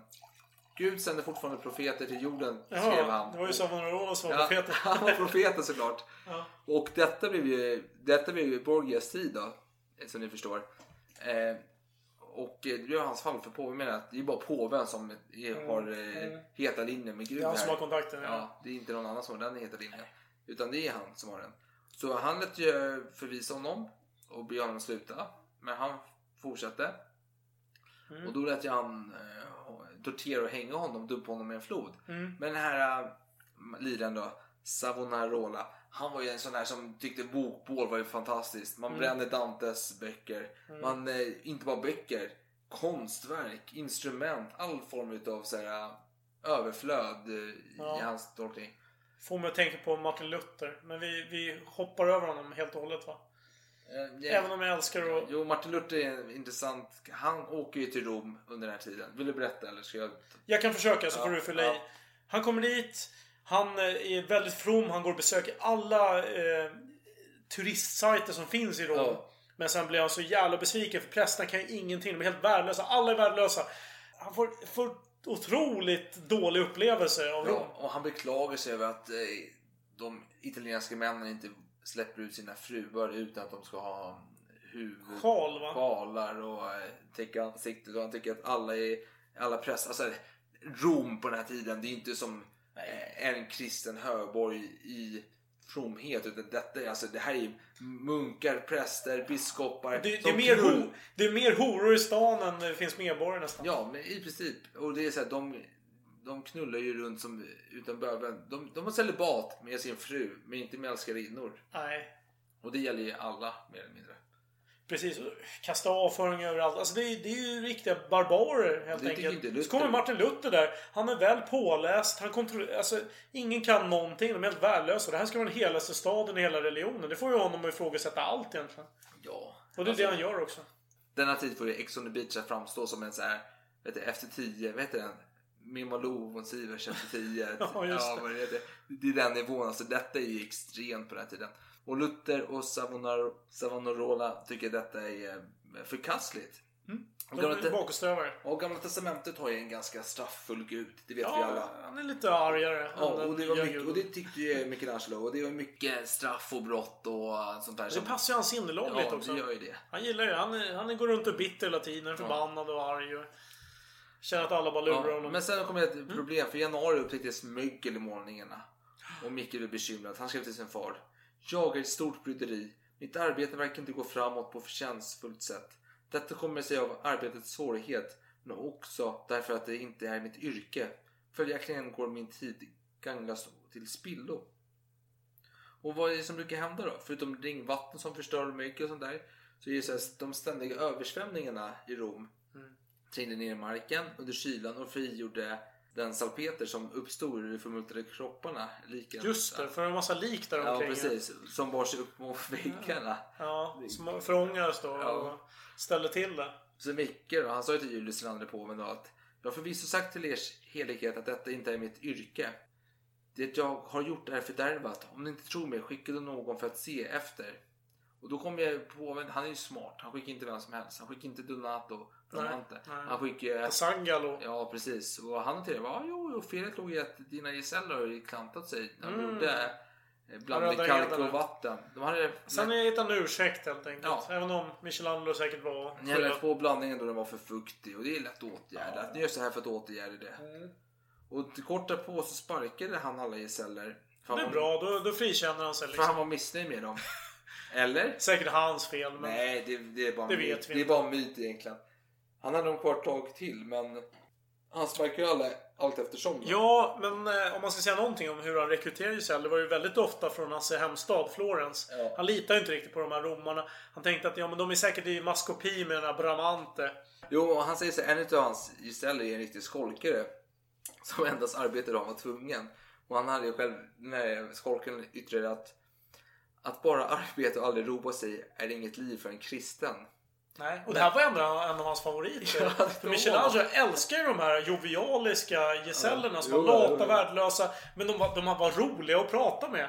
Alltså, alltså, Michelangelo var ingen social person, men han uppskattade ju ändå folk som höjde stämningen lite. Precis. Han drog ju ner den hela tiden, så det var en bra balans. Ja. Men efter syndafloden då, så gick på att måla vågcyklarna och de var inte speciellt stora, de var svåra att måla. Men det gick snabbt nu. De två första vågcyklarna tog bara åtta dagar att sammanställa. Och den som eh, föreställde Joshua körde Micke lite på fri hand. Alltså, han fick ju feeling där liksom. Han var lite berusad säkert. Ja. Tog upp penseln. Exakt. Så tänker jag i alla fall. Han blev inspirerad till slut. Han höll på med det här under väldigt lång tid. Så att allt eftersom så, så lärde han sig mer och mer och blev mer och mer eh, avslappnad med tekniken. Så det tog ju väldigt lång tid i början. Men när han Ja. väl kunde det, då kunde han liksom frimåla. Han behövde inte de här kartongerna. Skit i dem. Nej, och, Josh, och Joshua var ju förfader till Kristus enligt alla kungaboken. Och Micke, han kommer göra 91 stycken av Jesus förfäder på taket. Många, många kroppar, det må vi säga. Mm. Och utav de här förfäderna, eh, 25 utav dem var kvinnor. Vilket var väldigt ovanligt på denna tid. Men sen kommer Noas rus. Och det återges i första Moseboken. Det tog 6-8 veckor att eh, sammanställa hela den skiten. Och den visar hur Noa ligger naken och berusad och blir hånad av hans eh, söner Hamsen och. Jafet. Så finner honom i sådan skick. Och det är lite kul för eh, när vi gjorde en liten filmtrailer till våra vänner för den här podden så hade vi med just den här bilden av Noas rus. För det är att Noa efter syndafloden planterar den första vinrankan, Ja, blir det. berusad och gör bort sig. Jag ska snor... Fan, jag är för full. Åh, jag vet inte ens var jag började. Oj. Shit. Ja, det där klipper bort. Ja, härlig berättelse. Men nu blev vi så här, påven blir intresserad. Vad är det som händer bakom, bortom segelduken? Inte kan se. Vad, vad, vad händer? Michelangelo, han vill absolut inte att någon ska se det här förrän det är klart. Nej, nej, nej. Så, nej men, och påven blev nu nyfiken vad som händer bakom segelduken egentligen. Så han eh, ville ju se det, men Micke vill inte visa någon. Och då frågade påven sen, när får jag se taket? Och Michelangelo svarade sen, nej, nej, jag är klar. Och då blev Julius arg. Han är ju vresig jävel. Han hotade ju att kasta ner Micke från ställningen om han inte visade honom. Men Micke höll på sig då och påven fick vänta. Micke såg på sig första gången, men några dagar senare så fick eh, Julius andra, han ville se detta. Han vill se vad som finns bakom seglarduken. Så han gick ju på... Han är otålig. Han, Han går fram. Han igen, konfronterar Michelangelo. Han säger så här. Nå, men när kommer du att ha detta kapell färdigt? Och så här, så snart jag kan, heliga fader. Så snart jag kan! Så snart jag kan! Vad menar du? Jag ska nog snart få dig att fullborda det. Det här var en hemsk episod. Alltså, Michelangelo kände sig otroligt eh, rädd och vad, vad håller han på med? Påhopp på och slår efter mig. Eh, det visar sig att påven ångrar sig skamset då. och Känner sig att "Nej, jag gick kanske lite för långt och höll på att slå med käppen mot min eh, Sorry, konstnär. var lite för full här. Förlåt, förlåt. Eh, eh, det var avsett som en favör och tecken på tillgivenhet. Ja. Var hans förklaring. Så det kan man ju säga om man agar sitt barn. Att man, man, eh, Ja. Det var avsett som favör och tecken på tillgivenhet. Men det var så här, i kontrast till detta så fick ju påven faktiskt se Rafael. För Rafael, Rafael hade Mm. fått uppdrag att måla lite andra målningar i Ja, andra rum, ja. Mer- mer privata rum. Ja, precis. Mm. Och påven fick ju se hur det fortgår. För Rafael var ju social Han livet, var, liksom. han var social, han var trevlig, han Ja. var omtyckt. Det var inte Ja, Michelangelo. nej, för- men han fick inte se Mickes målningar så påven tänkte jag måste se de här. Så han klädde ut sig till en gesäll och smög in och Micke, nu börjar han ha någon oro. Så han tänkte det här, det här är inte min gesäll, jag känner igen honom. Fan, han påminner om den där jävla Julius. Det måste vara Julius och Michelangelo tog upp träpåkar eller Ja, plankor, plankor Brädor. hiva mot eh, Julius och skicka ut honom så här. Försvinn jävel! Försvinn! Och Julius sprang iväg där. Han började, han började eh, kasta ifrån sig hotfulla förbannelser här, Julius när han flydde. Ja, bara en jävla! Flor- florentinare. Jävel. Och sen när det hade lagt sig lite grann då började Michelangelo känna bara Vänta nu, vad, var det som, vad, vad fan var det som hände nu? Vänta, kastade jag bräde efter påven? Aj, aj, aj, aj, aj. Han fruktade för sitt liv. Han flydde genom ett fönster. Och han, han, han, han flydde från Rom. Han åkte tillbaka till Florens. Han kände så här, "Nej, fan, jag kan bli avrättad för det här. Det här Ja, går inte. Jag måste ja. bara fly. Ja, ja, precis. Och väntade på att påven skulle lugna ner sig igen. Enkelt. Ja, och sen återkom han efter ett tag då och han tänkte att... Eller han tänkte inte, men det är bara att kolla på taket. Noahs rus eller syndafloden, det är inga riktiga succéer egentligen. Det är inte någon så här wow-faktor när man tittar på dem. Och det, det man kan notera är att han är jäkel på anatomi alltså. Mm. Han intresserar sig oerhört för det. Och det är kanske är för att han... Alltså han hade en korrekthet när det kommer till mänsklig anatomi som är... Otroligt detaljerad. 100% nästintill. Ja, Och det mer blir- än 100%. det- Ja, precis. Det, han har ju vad är det, identifierat ett x antal delar som inte ens... Ja, muskler som inte ens har ett namn idag. Har han identifierat i sina målningar. Och Sägs det då. Ja, och det beror ju på att han var i, Alltså han... Som alla de här lilarna gjorde, de, de dissekerade lik på den här tiden då. Det var ju så man gjorde. Och eh, jag tyckte i Rom då gick att om när Micke gjorde sin Pietà så lät han knivhugga sin modell till döds för att fånga musklernas utskick när modellen dog. Låter som en myt. Och Micke ska flytta till Palestrina som låg utanför Rom då. Och Palestina vill bara säga, det är en kompositör också som heter Palestrina som var verksam Men, under- Palestina eller Palestrina? Palestrina. Ja, just det. Som var verksam under 1500-talets eh, 20 framåt då. Och vi lyssnar lite på honom för att komma i stämning inför avsnittet. Lite, väldigt bra musik. En del av vår nya stil där. Och precis. komma in i... Ja, men den här känner jag lite tveksam om det verkligen gick det ryktet. Men det säger någonting om Mm. eh, bilden inte mycket i alla fall. Men nu blir det i alla fall dags för sista delen av Noahs historia. Noahs taxoffer. Vilket kommer att bli den mest livfulla utav bilderna enligt konstkännare. Då. Och när den var klar hade han målat en tredjedel utav taket. Och det fortsatte på efter det. De fick ju bra rytm där. Liksom. Det Mm. flöt på ganska bra Mm. detta. Så eh, efter ett år då så hade de ju klarat av en tredjedel av taket. De, fortsatte, de fick ju bra feeling och fortsatte på liksom. De kom in i rytmen här och eh, trots detta då så skrev ju Micke så här. Jag lever här i stor ängslan och den största kroppsliga utmattningen. Jag har inga som helst vänner och önskar mig heller inga. Jag har inte ens tid att äta så mycket som jag borde. Du får därför inte svära mig med ytterligare bekymmer. Ty, jag ser inte ut med ännu något mer.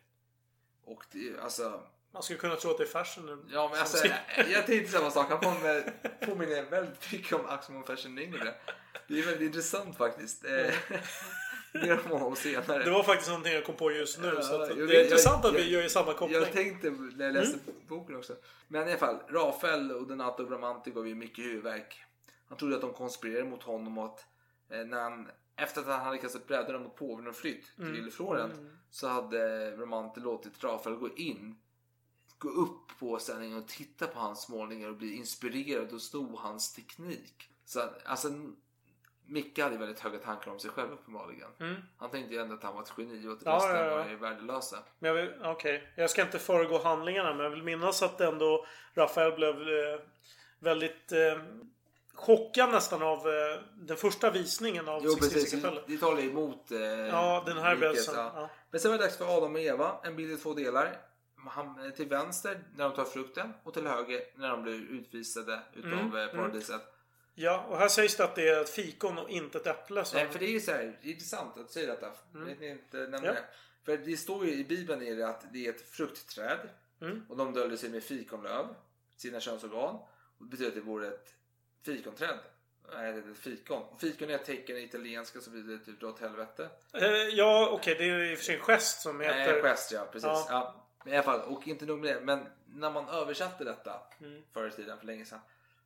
Äpple hade någon symbolik och det var ett liknande ord som eh, man tyckte att det här var lite lustigt för vi använde samma ord. Alltså det är samma Jaha, betydelse okej, orden okej, så det är därför man Mm. använder det då.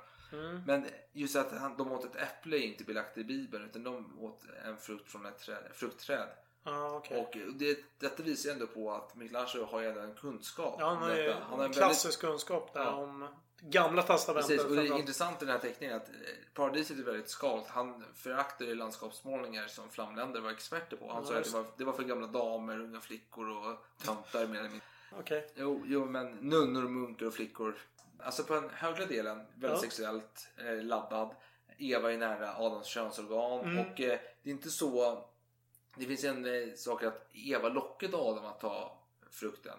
Men här tar Adam frukten själv då. Och detta Mm. var ingen ny tes. Lite funnits- feministisk konst. Ja, men det här har ju funnits ett år... Eller, Ja, några... ja, men ett år tidigare hade en eh, tysk teolog kommit med den här att eh, det var bara Adam som hade fått förbudet. Mm. Så människans synd låg eh, hos Adam, Ja. inte från Eva. För, för den katolska kyrkan har ju sagt att det är Eva Ja. därför, och Bibeln, kvinnan ska därav vara undergiven mannen för Mm. att hon lockade. Adam. Men eh, det är lite intressant också sen på den högra bilden. Eva är mycket äldre och sliten på den högra bilden kontra den vänstra bilden innan de, de har ätit frukten. Och det tyder ju också lite på det här som vi nämnde tidigare med, med Pieta att, Pieta. Pieta, Mm. att eh, Maria var väldigt ung för att hon var oskuld. Just det. Och eh, hela det här eh, snacket om ormen som tjusar kvinnan. Ja. Ormen, man kan ju lätt Sex- göra kopplingen till mer sexuella Ja, men det, och det är faktiskt belagt från den symboler. tiden. Alltså det är Ja. mycket från den tiden som är ju så att, Okej, hon har liksom mm. frestats av ormen och därefter blivit väldigt gammal. Ja, precis. Men tiden gick, två år hade gått och de har kommit till Taget Smith. Nu skulle de visa upp sin eh, verk för påven och publik. Och tempot hade ökat senaste tiden. Evas skapelse hade målats på fyra dagsverk, gör natte. Det blev ingen avteckning. Varför inte? Jo, för påven skulle iväg och kriga igen. Han skulle på Guds vilja tukta hertigen av Ferrara och befria Italien ur fransmännens händer. Ja, Ferrara var då en eh, italiensk furste som då var i maskopi med eh, Ludvig XII. Och Ludvig XII hade ju framstående befälhavare som även hans efterträdare skulle ha. Eh, Vi ska inte gå in på hela den här historien där men eh, Mm. det slutade väl ändå lyckligt på något sätt för eh, påven till slut. Ja, men Micke tänkte här att jag behöv, du har lovat mig tusen dukater. Jag behöver få dem, men du drar iväg nu. Detta är inte schysst lirat, det är inte fair play. Men så... Eh, påven blev ju sjuk också i varannan dags frossa. Vilket eh, hade tagit livet av Alexander VI, alltså Borgia-påven. Men han fick ju ordination utav läkare. Man gjorde tvärtom. Han åt och drack som fan. Han sket ju alla ordinarie- Det var det som gjorde att han blev långlivad. Han struntade i allting. Precis. Men eh, Micke åkte eh, efter eh, påven och krävde sina pengar. Ja, ja, ja, du får väl 500 dukater. Nu hade ju Michelangelo sammanlagt fått 1500 dukater på två år. Men han ville ha mer för han tyckte att det fattades ju 500 dukater här i pengapåsen. Så eh, han åkte upp igen för att eh, träffa påven Bologna och framföra sin ståndpunkt. Och då såg han att påven hade eh, skaffat skägg, vilket var helt otänkbart på tiden. en påve med skägg! Det Herre Det är Jesus! bara Svenas konung Det är korstecken överallt här. Ja, ja, ja. Det är ju illa. För att alla vet ju att sedan påvarnas begynnelse så ska man inte ha skägg. Det var något instruktion som, som den första påven Ja, Petrus fick. Ja. Ja, jag vill minnas att Urban den andra hade väl skägg. ja, jo, jo, förvisso. Men det var ju ändå... Korskrigaren. Ja, jo, jo. Ja, skitsamma. Det var ju för sig ännu tidigare faktiskt. Än, eh, Ja. Så att han hade prejudikat. Det, Ja. det får man ge honom. Men under den här tiden då som eh, på med kriget så började eh, Micke skissa på um, alltså Adam skapelsen alltså. Mm. Och eh, det var ju 1511 han började med den då. Och han tog mycket inspiration från posen från Lorenzo Ghibertis målning av Porta som fanns då i Porta del Paradiso i Florens. Om ni tittar på bilderna så ser ni att det är själva Adams pose är ju väldigt slapp och lite så här nonchalant. Mm. Ja. Ja, väldigt... eh, Vad ska man säga? Lugnt intryck från Adam. Och det är, det är någon slags skönhetsideal också för Ja. eh, män. Men påven kommer i alla fall tillbaka i juni Och nu tänkte Micke, nu är det dags att avteckna min skapelse. Men det blev inte så. För på tänkte att den 15 augusti, vad är det för idag? Jo, men det är Maria himmelfärdsdag. Perfekt tillfälle för att avtäcka denna målning. Eller denna del av målningen. Men det var dags, 15 augusti. Det var fullsatt. Och eh, bland de som satt där var ju Rafael som hade betalat 1500 dukater För att köpa sig en tjänst. Någon slags så här fultitel. Bara för att kunna få sitta nära påven så betalar man alltså Betala en massa pengar för att få ett jobb Ja. Som bara innebär att sitta nära påven. Det är intressant. Ja, jo. Och han, satt, och han blev så imponerad när de täckte av det. Hade bort hela duken. Det var ju så... Och det var, inte, det var inte kvaliteten i målningen egentligen. För att Rafael var ju otroligt skicklig på att göra vackra, eh, väl... Eh, vad ska man säga? Positionerade... Men, eh, väl eh, Liv. harmoniska tavlor. Det var inte det han blev imponerad av. Utan det var kraftfullheten i Michelangelos konst. Och så han fick för, han bara, jag går tillbaka till påvens lite mer privata salonger och han, han hade ju förstått ett verk som heter Skolan i Aten. Och där började han måla till en extra karaktär då. En Il Pensieroso, alltså den tankfulle, det var en vresig karaktär som avskydde sina konkurrenter. Och vem kan det ha varit? Alltså det var en historisk person. Ja, precis. Men som man då lätt kan komma att tänka på en helt annan person. Micke vem är det? själv. Micke såklart. Så att det är lite svårt att dra slutsatser om det här är en hyllning eller en, ett hån. Eller både och. Det var väl lite det. Men jag tror att Michelangelo skulle inte ha någonting emot det. För han, han porträtterar sig gärna själv som lite asocial. ibla- I vissa gånger... Ful. Ja, ful kunde han absolut. Det var ju någon målning när han målade sig själv som dekapiterad. Eh, och då var han otroligt gräslig och ful i den målningen. Så han var ju inte främmande för att måla sig själv. Men Nej. han var ju absolut inte smickrande alltid. Nej, så var det verkligen inte. Men nu är det dags att börja ta upp, eh, montera upp den här eh, ställningen igen. Men så hände någonting hemskt. Påven blev sjuk i feber och nu var han nära döden. Så Oj! nära döden. Det blev oroligt i staden. Il Pappa Terrible! Han är dö dödligt sjuk. Vad gör pöben? Ja men det, vad fan, vad, vad, det är klart man, man, man plundrar allting. Man, man stjäl från allt och alla. Man tänker nu är den här starka mannen borta. Nu kan vi ju fan stjäla alla tavlor som finns. Ja. Så folk fick ju panik. De blev helt galna. De bara stal allt. Och så vidare. Men sen visade, fick man en signal om att påven var, höll på att tillfriskna. Mm. Och då lugnade sig alla igen. Då blev alla rädda igen. kanske. Ja, så kan det vara. Ja, i alla fall. Det, I skarp kontrast mot när han eh, senare skulle lida mot sitt slut. ja, precis. Men det blev så här att Michelangelo och Rafael var lite rädda under den här tiden. För vad händer om motståndaren tar över i Vatikanen? Jo, då kanske deras verk blir förstörda. För det Mm. finns ju små subtila hyllningar till den nuvarande. Just Vi kommer det. till dem senare. Ja. Men vi bara nämna att det finns det. Och de är lite rädda för detta. Men i alla fall, det blir lugnt och ro. Och 14 månader efter att Michelangelo hade avslutat första halvan påbörjar han den andra halvan. Och han börjar med skapelsen. Mm. Men han ändrade lite stil nu. Hans, han gjorde dem lite större. Kanske var det så att han såg att det blev lite för smått på första delen utav byggnaden. Förstår du upp det hela lite på andra halvan. Fick perspektiv Ja. helt enkelt. Och Adams skapelse då, den mest berömda bilden Ja. i, i taket då, tog två till tre veckor att färdigställa. Och Micke arbetade då från vänster till höger, vilket gör att Adam blev den första delen i målningen. Och det tog bara fyra dagar att färdigställa Adam. Mm. Och- En viktig detalj sen eh, är att just det där Adams finger målades senare om av en restauratör senare för att Ja. det förföll. Så att den mest kända delen av hela Sixtinska kapellet är egentligen inte gjort av Michelangelo. Intressant Ja, detalj. jo. och det spekuleras i att eh, man ändrade hans... Eh, ändrade på bilden helt enkelt. Men det där är bara helt, ren spekulation. Ja, men det, en annan sak är att fyra dagar att göra Adam, fyra dagar för att färdigställa Gud likaså då. Och bilden av Gud som skäggig man kommer egentligen från 1300-talet. Alltså det är Mm. inspirerat av antiken, Zeus och så här, Jupiter och så vidare. Ja, men och den här skapelsen, det är ju som sagt den mest berömda Mm. delen idag som Mm. alla känner till. Mm. Det finns den här förstoringen bara på fingrarna som möts. Just det. Som, som jag hade hemma när jag var liten. Och det är jätteviktigt att du nämner det för att eh, om man bara tittar på helheten under den här perioden. Då tänkte folk att ja, men det är Gud som fördömer Adam. Alltså Ja. folk fick ju det intrycket för det här var något helt, helt nytt. Nu känns det bara som blasé liksom. Det är klassiker. Det är, det är ingen konstigt att eh, den här symbolen. Men på den tiden, det var ju helt banbrytande. Man kunde ju lätt få uppfattningen att Gud fördömde eh, Adam. Och det var ju först när man gjorde en för, förstoring och man eh, spred en förstoring av just där deras händer vidrörs. För då, då faller symboliken på plats. Då tänker man ju inte alls att Gud fördömer Adam. Men det kan man ju kanske göra i, med den tidens ögon sett. Ja, fast jag skulle inte säga det som att de fördömer. Men det var det man tänkte då. Ja, alltså det är En del tänkte Det är det. väl lite generaliserat. Men i alla fall. Det fanns kritik. Det var kritik. Men Ja. det är, grejen är att den delen var ju väldigt... Det var ingenting som kommenterades på den tiden. Det var ju ganska...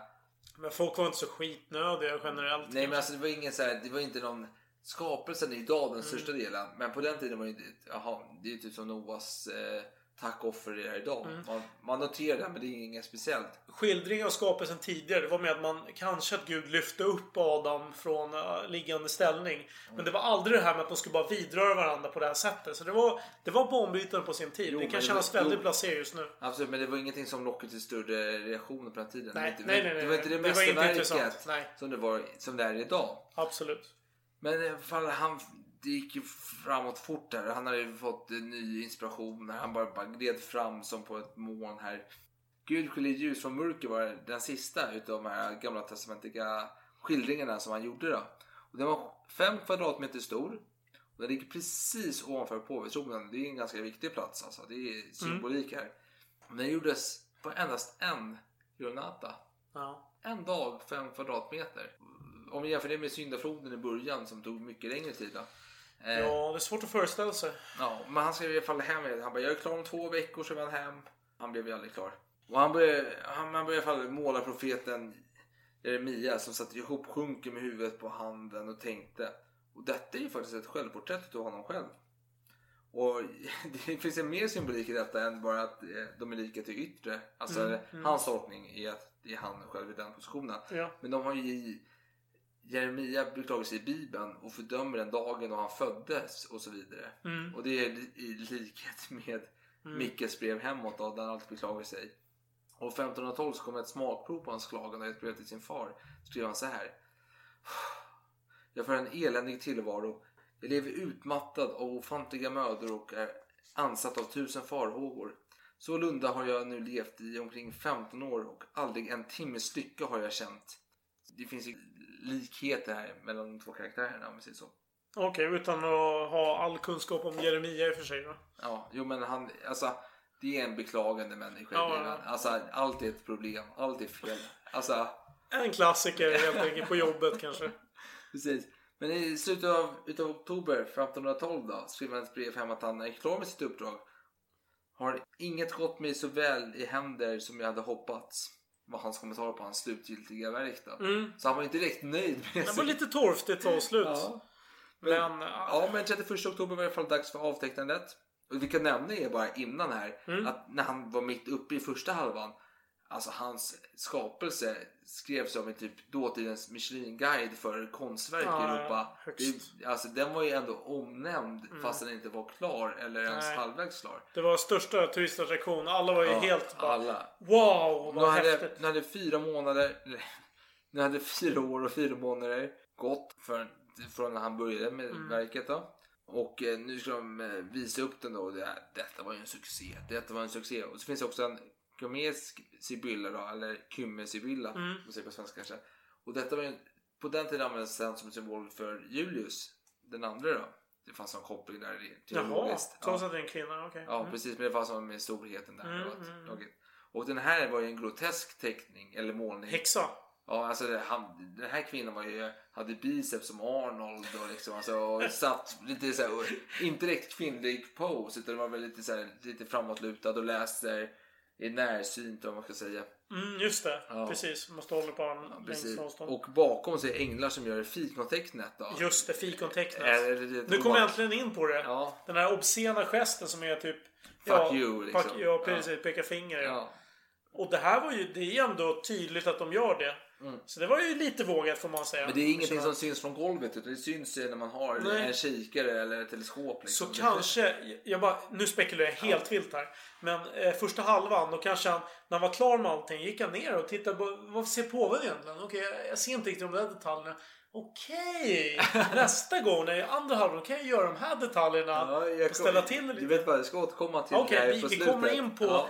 eh, konspirationsteorier. Ja. Det blir en väldigt intressant men del. precis. Det kommer om några minuter. Ja, men vi ska Mm. bli nära slutet här. Men Julius han gillar ju slutresultatet. Men han saknar något. Vill du berätta lite om det?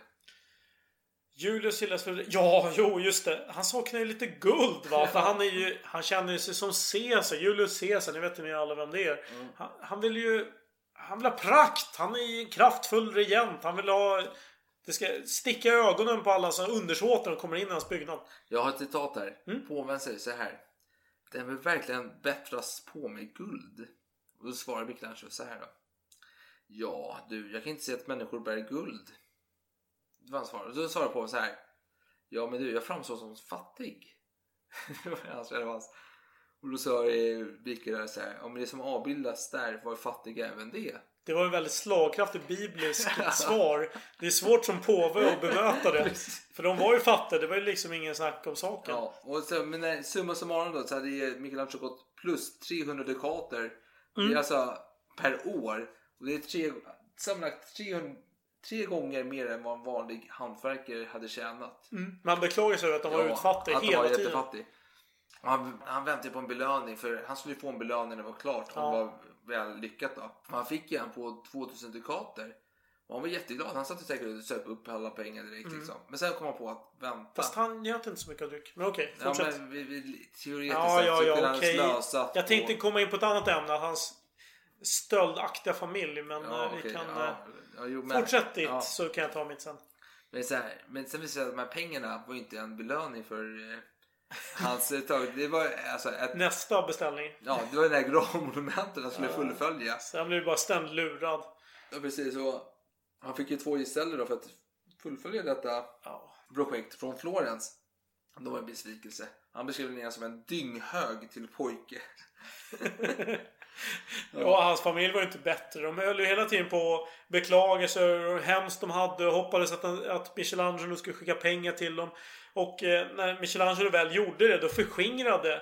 Det var inte bara hans bröder som förskingrade pengar, och även Nej. till och med hans egen far gjorde Hans det. far gjorde det. Alla var helt opålitliga. Det lät ju som att de var helt indolenta och bara förlitade sig på att Michelangelo skulle tjäna pengar åt Ja, dem. ja, det är min känsla av att läsa Ja, den det, boken. Det, det är en känsla garanterat. Och, eh, alltså han var ju som han var, Michelangelo. Han, var ju, han, är- han är skön på sitt sätt. Han sitter och fördömer typ alla förutom sin far. Alltså han verkar njuta av att lida på något sätt. Men han, han är som fashion. Vi kommer till fashion snart, nästa avsnitt. Jag lovar. Men du får höra mer om fashion. Men de är lika. Alltså de är aldrig nöjda i nutiden. Nej, nej, Fast precis. Allt, allt de gör är ju mästerverk. Ah, vänta nu. Nej, det där får Jag bort. hörde jag. Hör. Nej, jag hörde det första men sen fördröj, blev det en fördröjning. Okej, vi gör så här. Jag tycker att vi ska gå in på ett mycket viktigt Men, ämne. jag är inte klar än. Nähä. För jag kan säga så här först bara. Påven blev sjuk igen och i början av 1513 blev han ju mycket sjuk. Och för, han testade åtta viner för att se vilket som skulle göra honom bäst verkan då. Mm. Och mot, han, mot förmodan så blev han bättre. Men sen så dog han den 21 februari. Dog lycklig. Efter, dag, efter att dagen innan har druckit pulveriserat guld. För att läkarna såg att han gjorde förbättrat. Det var ju såhär kvacksalveri liksom. Ja, så ja, Ditt guld blir jättebra. Ja. Och eh, innan Julius hade dött då. Så hade han gett order om att Micke skulle få 10 000 dukater för att eh, fixa klart gravmonumentet. Det är en stor summa. Mycket stor summa här. Mm. Men Leo den tionde blev påve efter. Medici är påve. Just det. Och han- Från hans gamla hemstad. Ja, Medici-familjen. Han gav ju Mich- Michelangelo ändå en lönehöjning. Han var trevlig påve. Han var en eh, tacksam 6500 person. dukater Mm. extra fick han för besväret. Och det tog över 30 år att fullborda detta gravmonument då. Men Julius familj ville ha lite så här, var inte så jävla överdriven. Spara in liksom. Så Michelangelo fick göra en liten komprimerad version av denna. Det är som när Leo snålar lite bara. Han hänvisar till familjen. Men vad fan. Jag har inte råd. Men om, om Julius familj har råd. Då kan ju de betala för det. Och så säger de bara. Nej, det har vi nog inte. Eller? Min moderna Ja, fast, tolkning. Fast Leo gav ju ändå honom en höjning på 6500 dukater. Det var bara på papper. Det var ingenting som var bindande. Ja, jo, men kan ljuga hur mycket som helst. Men eh, monumentet blev till slut klart och placerades i Mm. en eh, kyrka mittemot Colosseum. Utan den stora eh, tre meters statyn av Julius II Ja. själv. Enligt Julius själv så skulle egentligen gravmonumentet vara i Sixtinska kapellet. För då skulle Michelangelos konst vara eh, överallt. Liksom. Ja, för han men- älskade Michelangelos Jo, konst. Det sket man i. Man, Man sket i det. Och inte ens hans eh, kvarlevor blev placerade i gravmonumentet. Men i alla fall, sen eh, Micke till Roga, han klagar ju alltid på sin tid i Sixtinska kapellet. Mm. Men han blev ju tillbakakallad där. För att göra den yttersta domen. Just det. Som Många var- år senare. Det var en väggmålning då. Den är fantastisk. Den är riktigt bra. 1536 fick han börja på den. Mm. Men inte nog med det. Micke då, han arbetade som arkitekt på Peterskyrkan. Och han Mm. låg bakom den berömda kupolen. Väldigt det. trevlig att gå upp i. Väldigt kort här. Alltså det är en anekdot just om Peterskyrkan. Att, att det finns ett stående skämt om att färdigställandet av Peterskyrkan det, är- det är som ett evighetsarbete. Det blir aldrig gjort. För det Ja. tog jättelång tid innan det blev klart. Och Bramante var den som påbörjade där. Och sen tog så småningom Michelangelo över. Det tog extremt lång tid. Han dog. Han är ju död till och med innan det Ja, blev ja, klart. Absolut. Och Micke då, han dog ju 88 år gammal 1565.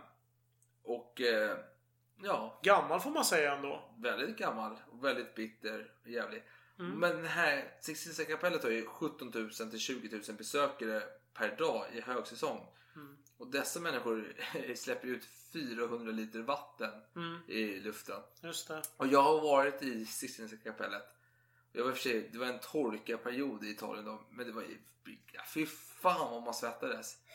Alltså det var helt olidligt alltså, det var vidrigt. Men vilken konst. Alltså att gå in där och se. För mig var ju yttersta domen den stora höjdpunkten. Men jävlar alltså. Jag har sett Leonardo da Vincis Mona Lisa i Louvren.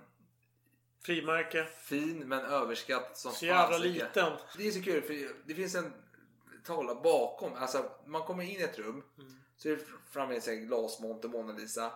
Som kan ha varit en prostituerad kvinna. Ja, just det. En... eh, Ja. En, Ja, men det är, en annan, det, är, det är ett annat avsnitt. Ja. Men bakom på väggen så är det en stor jäkla målning. Alltså nästan så här real storlek på människor. Helt fantastisk. Ingen ser den. Alla kollar på den här lilla skiten, Mona Lisa. Ja. Och bakom finns det ett helt magnifikt konstverk. Jag vet tyvärr inte vad den heter. Jag kommer inte på Kanske. Poussin som har gjort. Eh, Ja, det- Berömd fransk konstnär som Ja. har väldigt mycket symbolik i sina tavlor. Precis. Men vilken konstigt att Sixtinska kapellet är en succé. Ja. Taket, målningen, top notch. Ja. Och det roliga är att det finns olika teorier om detta. Vet du vad? Jag, jag tänker så här. Jag börjar ändå med Sakaraya. Mm. Eh, en profet från gamla testamentet. Kom från Babel tillbaka. Mm. Och han är, finns avmålad. Och han, eh, enligt då, en judisk eh, författare och rabbin som heter Benjamin Bleach. Så är det en avmålning utav Julius den andre. Det finns väldigt stora likheter mellan Julius den andre och den här Sakaraya.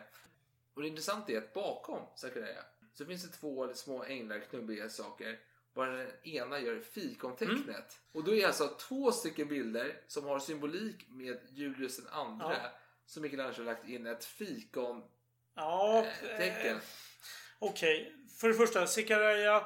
Jag tror också, alltså vad jag har förstått så det är en avbildning av Julius. Det är inga större tveksamheter kring det. Nej. Men om det är fikontecknet, det tycker jag är mycket tveksamt. För man ser inte riktigt om eh, tummen går in Jo. där och gör... Nej, Jo, nej, jag tittar jo. på den bilden. Jo, för, nej, jo vänta. det är skugga precis där Nej, men tummen vänta. går. Ena ängeln håller om den andra och den som håller om Ja, jag tittar på fikontecknet. Ja. Och man ser att det är någonting som sticker ut där. Det är, det är en tumme. Jag är, Ah, man ser inte tummen. Man ser inte tummen. Man ser att det är någon är skugga. Det skulle kunna vara tummen.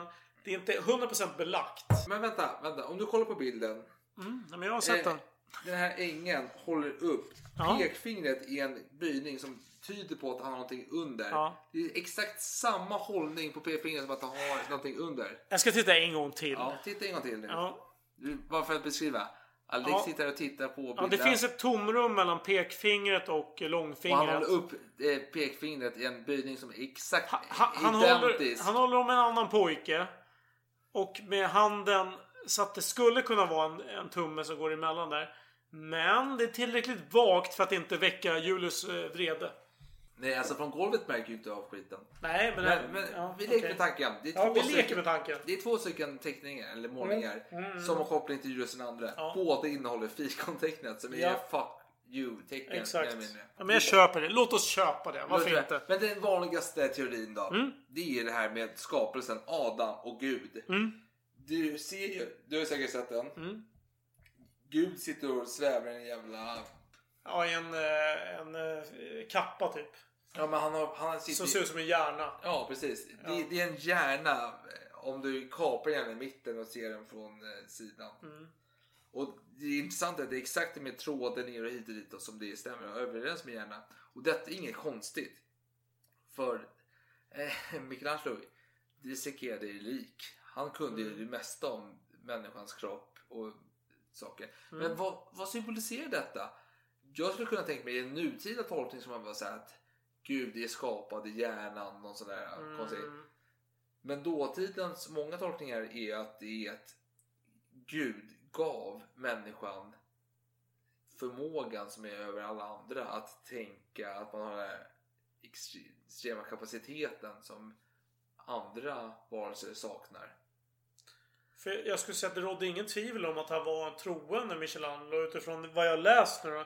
Nu säger bara en källa men eh, jag har svårt att koppla till att han var typ en hemlig ateist som försökte lämna budskap i Sixtinska kapellet. Nej, nej absolut, jag, kan faktiskt instämma i denna. Det finns som sagt den här Benjamin Bleach då som har skrivit en bok om Jag tänker på The Sixteen Secrets av Blech och Doliner. Ja, precis. Och eh, det- ja, de har massa olika teorier om saker och ting och om att eh, Michelangelo var ny, nyplatonisk och eh, han höll på att göra massa judiska föremål. Mm. Och de hävdar att det är bara gamla testamentiga föremål här. Ja. Och det är judendom det handlar om. Men kristendom har ju också faktiskt gamla testamentiga eh, saker i sin religion. Mm. Även om de har fokus på nya testamentet så finns även gamla testamentet är bekräftat i Mm. Så det, kan man säga vad man vill om. Men det som man ska säga är också att när jag tittar på de här målningarna, jag satt här för jag tycker det är kul. För det, oavsett, när man skapar någonting, Michelangelo skapar ju moment, han ska- skapar scener. Han har ju inte ord, han har bilder som ska berätta en Mm. historia. Och då är det så att kroppar gör rörelser, det är naturligt. Du måste ha, ha en pose. Men vissa poser är lite intressanta, som man håller upp fem fingrar i luften och tittar åt Ja. ett speciellt håll. Sådana saker väcker funderingar. Jo. För jag kan tänka mig, sysslar man med det här med flera år. Då har man nog ganska mycket tid att tänka över. Okej, vad betyder de här poserna egentligen? Mm. Alltså man, man, man tänker nog lite extra tror jag. Och framförallt om man har den här bildningen, den här teologiska bildningen. Som vi inte har idag. Så Nej, nej, kan man nej, nej. verkligen sätta sig in i, i detalj. Precis. Och jag tänker ändå att som sagt, du har inte orden du kan berätta med. Du har ju gester, du har blickar, du har rörelser som ska förtälja en hel historia. Mm. Det är inte bara så att det är ett moment utav bilden utan du berättar hela historien med bilden. Som Noas eh, rus när han är full och jävligt och eh, hans söner backar in för att inte... För att han är naken och Ja, äcklig liksom. Alltså det är inte bara Mm. mer än den scenen utan det är hela historien som beskrivs i den scenen. Mm. Men jag satt och tittade i alla fall på... Jag har suttit senaste veckan och tittat på taket i Sixtinska kapellet. Och det är en bild jag tänkte, detta är intressant. Och det är när Gud skiljer ljus från mörker. En av de senaste bilderna. Och det är en sak där som jag reagerade på. Jag tänkte, jag måste googla detta. Och det är att Gud tittar uppåt. Hans haka är upplyft. Och det är något groteskt på halsen. Om man jämför med andra teckningar på, som Michelangelo har gjort. Halsen och strupen är mycket lenare, mer naturligt. Mm, mm, mm. Men denna är grotesk. Aha. Och skägget är upprullat. Alltså det visar ändå liksom att det är något groteskt där. Mm. Så jag var tvungen att googla om det fanns någonting om Ja, detta. ja. Och det fanns det. Härligt. Och det är så här, det är intressant att det är några forskare som har kommit fram till att denna del på Guds hals Mm. är identiskt med hjärnbalken, alltså bakre delen på hjärnan. Ah. Hjärnstammen eller vad man ska kalla det för. Jaha. Så den har de ju... Fast det låter lite långsamt samtidigt. Vad, vad, Fast okej, vad är samtidigt, kopplingen? fast- Vad är kopplingen? Samtidigt. Ge en tolkning nu så vi får en klarhet. Ja, vänta, vänta. Det var bakgrunden. Mm. Det här är mannen som dissekerar lik. Ja, jo, jo, visst. Han, Han, kan. har koll på ja. varenda jäkla muskel i kroppen. Japp. Han Mer har koll på hjärnan. Han har koll på hjärnstammen. Ja. Det är nördkunskap som han påvisar nu med Ja. målningen. Och Fast någon- vad, vad menar han då? Jag, alltså jag vill dra en mer ateistisk tolkning. Mm. Ja. Även om det går mot min... eh, Din religion. religion. Nej, jag är inte religiös. Det spelar ingen roll egentligen. Nej, men alltså att Gud finns inom oss. Mm. Jag vet inte. Jag är ju en eh, kvasiforskare. Ja, alltså nu när vi ändå är inne på ämnet. Jag tycker att vi avrundar det hela. Nu börjar tiden... Oj, herregud vad mycket tid som har Det gått. Vi borde avsluta med lite konspirationsteorier. Ja. Eh, Okej, jag kan pitcha med första här. Eh, den första idiotiska skulle jag säga enligt min mening, konspirationsteorin. Ja. Det är att Gud, när Gud skiljer himmel från jord, som du redan har nämnt. Ja. Så smiter hans mantel åt över rumpan så att, det, så att, det, så att någon, förmodligen är Blech då, gör tolkningen att han monar eh, påven. Hur ställer du... Ja, det är rimligt. Okej. Då går vi till nästa. Nej, jag skämtar bara. Det Jaha. är helt orimligt. Ja. Det tror jag inte. Nej, okej, okej. Eh, en annan konspirationsteori gör gällande, eh, och det här bygger då på Kabbala som är judisk mystik. Det är att eh, när David och Goliat kämpar i den målningen. Då ska de tydligen forma bokstaven Gimmel som är en symbol för styrka. Det vill säga den kraftfulla manliga delen av livets träd enligt judisk eh, tro. Hur ställer du till det? Alltså, Jag ska, jag ska följa upp det med ytterligare ett påstående. Ja. Jag, jag låter dig kommentera om du har någonting där. nej, jag har ingenting. Nej, då fortsätter vi. På motsatta sidan så finns Judit och Holofernes som formar bokstaven Chet som symboliserar Chetsed. Den vårdande kvinnliga sidan av livets träd. Det här är alltså förmodligen, eller garanterat den här Blech då. Som gör sina judiska tolkningar av eh, symboliken. Han ser, han ser som en, här är manliga delen, här är kvinnliga delen. Ja, okej. Lite långsökt kanske. Eh, jag fortsätter. Eh, Jeremia, en eh, profet, har en pappersrulle bredvid sig med texten Alef. Alef, för er som inte känner till det, är första bokstaven i det hebreiska alfabetet. Och då kan man tolka sig med, ja men det, det är första bokstaven, det vill säga nummer ett. Och nummer ett, jo men Gud är ju nummer ett. Gud är den enda. Nummer uno. Ja. Och om man ställer nummer ett bredvid någonting annat, då är det som att liksom, eh, man kan inte riktigt ha koll på vad som är vad. Ja, okej. så, nu, långsökt. så, ja, vänta nu. Så vi har nummer ett här och sen bredvid så har vi tecknet för bokstaven Ajin som betyder 70. Så om de står bredvid varandra, då måste man ju tolka det som att jo men Nummer 1 och 70, det är som att den katolska kyrkan inte sk- skiljer på den enda guden och 70 gudar. Så de har ingen koll alls. Det är en protest Vänta, mot... det, det här är samma kyrka som avrättade folk för att de var kännare. Ja. Ja, okej. Ja. Eh, det var min avslutning på det. Ja, eh, jag tycker det är... Så de här konspirationsteorierna känns inte så gen- genomtänkta. Det känns som att de som går in och börjar analysera de har sin bakgrund och försöker inte titta bortom sin egen kunskaps... Vi- Vi menar så här. Ja. Vi brukar diskutera du och jag om Mm. våra omslag. Mm. Jag, jag tycker om symbolik. Ja, men jag gillar också symbolik. Men Ja. det ska vara tydligt. Alltså det ska vara begripligt. Eh, Okej, vi ska Ja, inte gå in på det. Nej, nej Men- men jag, jag, jag tycker om det som finns i betraktarens ögon. Eh, det, man kan se det man själv ser. Och detta är ett fall Mm. utav detta. Om du ser en målning, karaktärer i mitt i, i en scen, de rör sig på ett visst sätt. Du Mm. kan hitta det budskap du söker efter. Du kan se den symbolik du letar efter. Ja, men är det bra? Ja, men tänker till exempel Mord och hovet avsnittet. Det fanns väldigt mycket medveten symbolik i den bilden för de som orkar titta på den.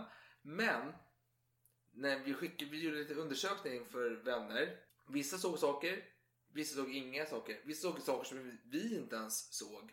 Alltså det var ormar, det var massa saker som vi inte ens hade Mm, märke till. mm, Ja, men precis. Och det, det är lite samma sak här vill jag nämna. att Ja. du, Om du söker, så här, Michelangelo han var, han var ett geni. Han tänkte på allting. Han tänkte på varenda detalj. Varenda detalj hade en mening utöver det vanliga. Det som, Ja, Ja. ja då hittar du det. Den här personen tittar åt det hållet, det betyder detta. Den håller upp två fingrar, betyder detta. Det är genialiskt om man gör samma tolkning som konstnären.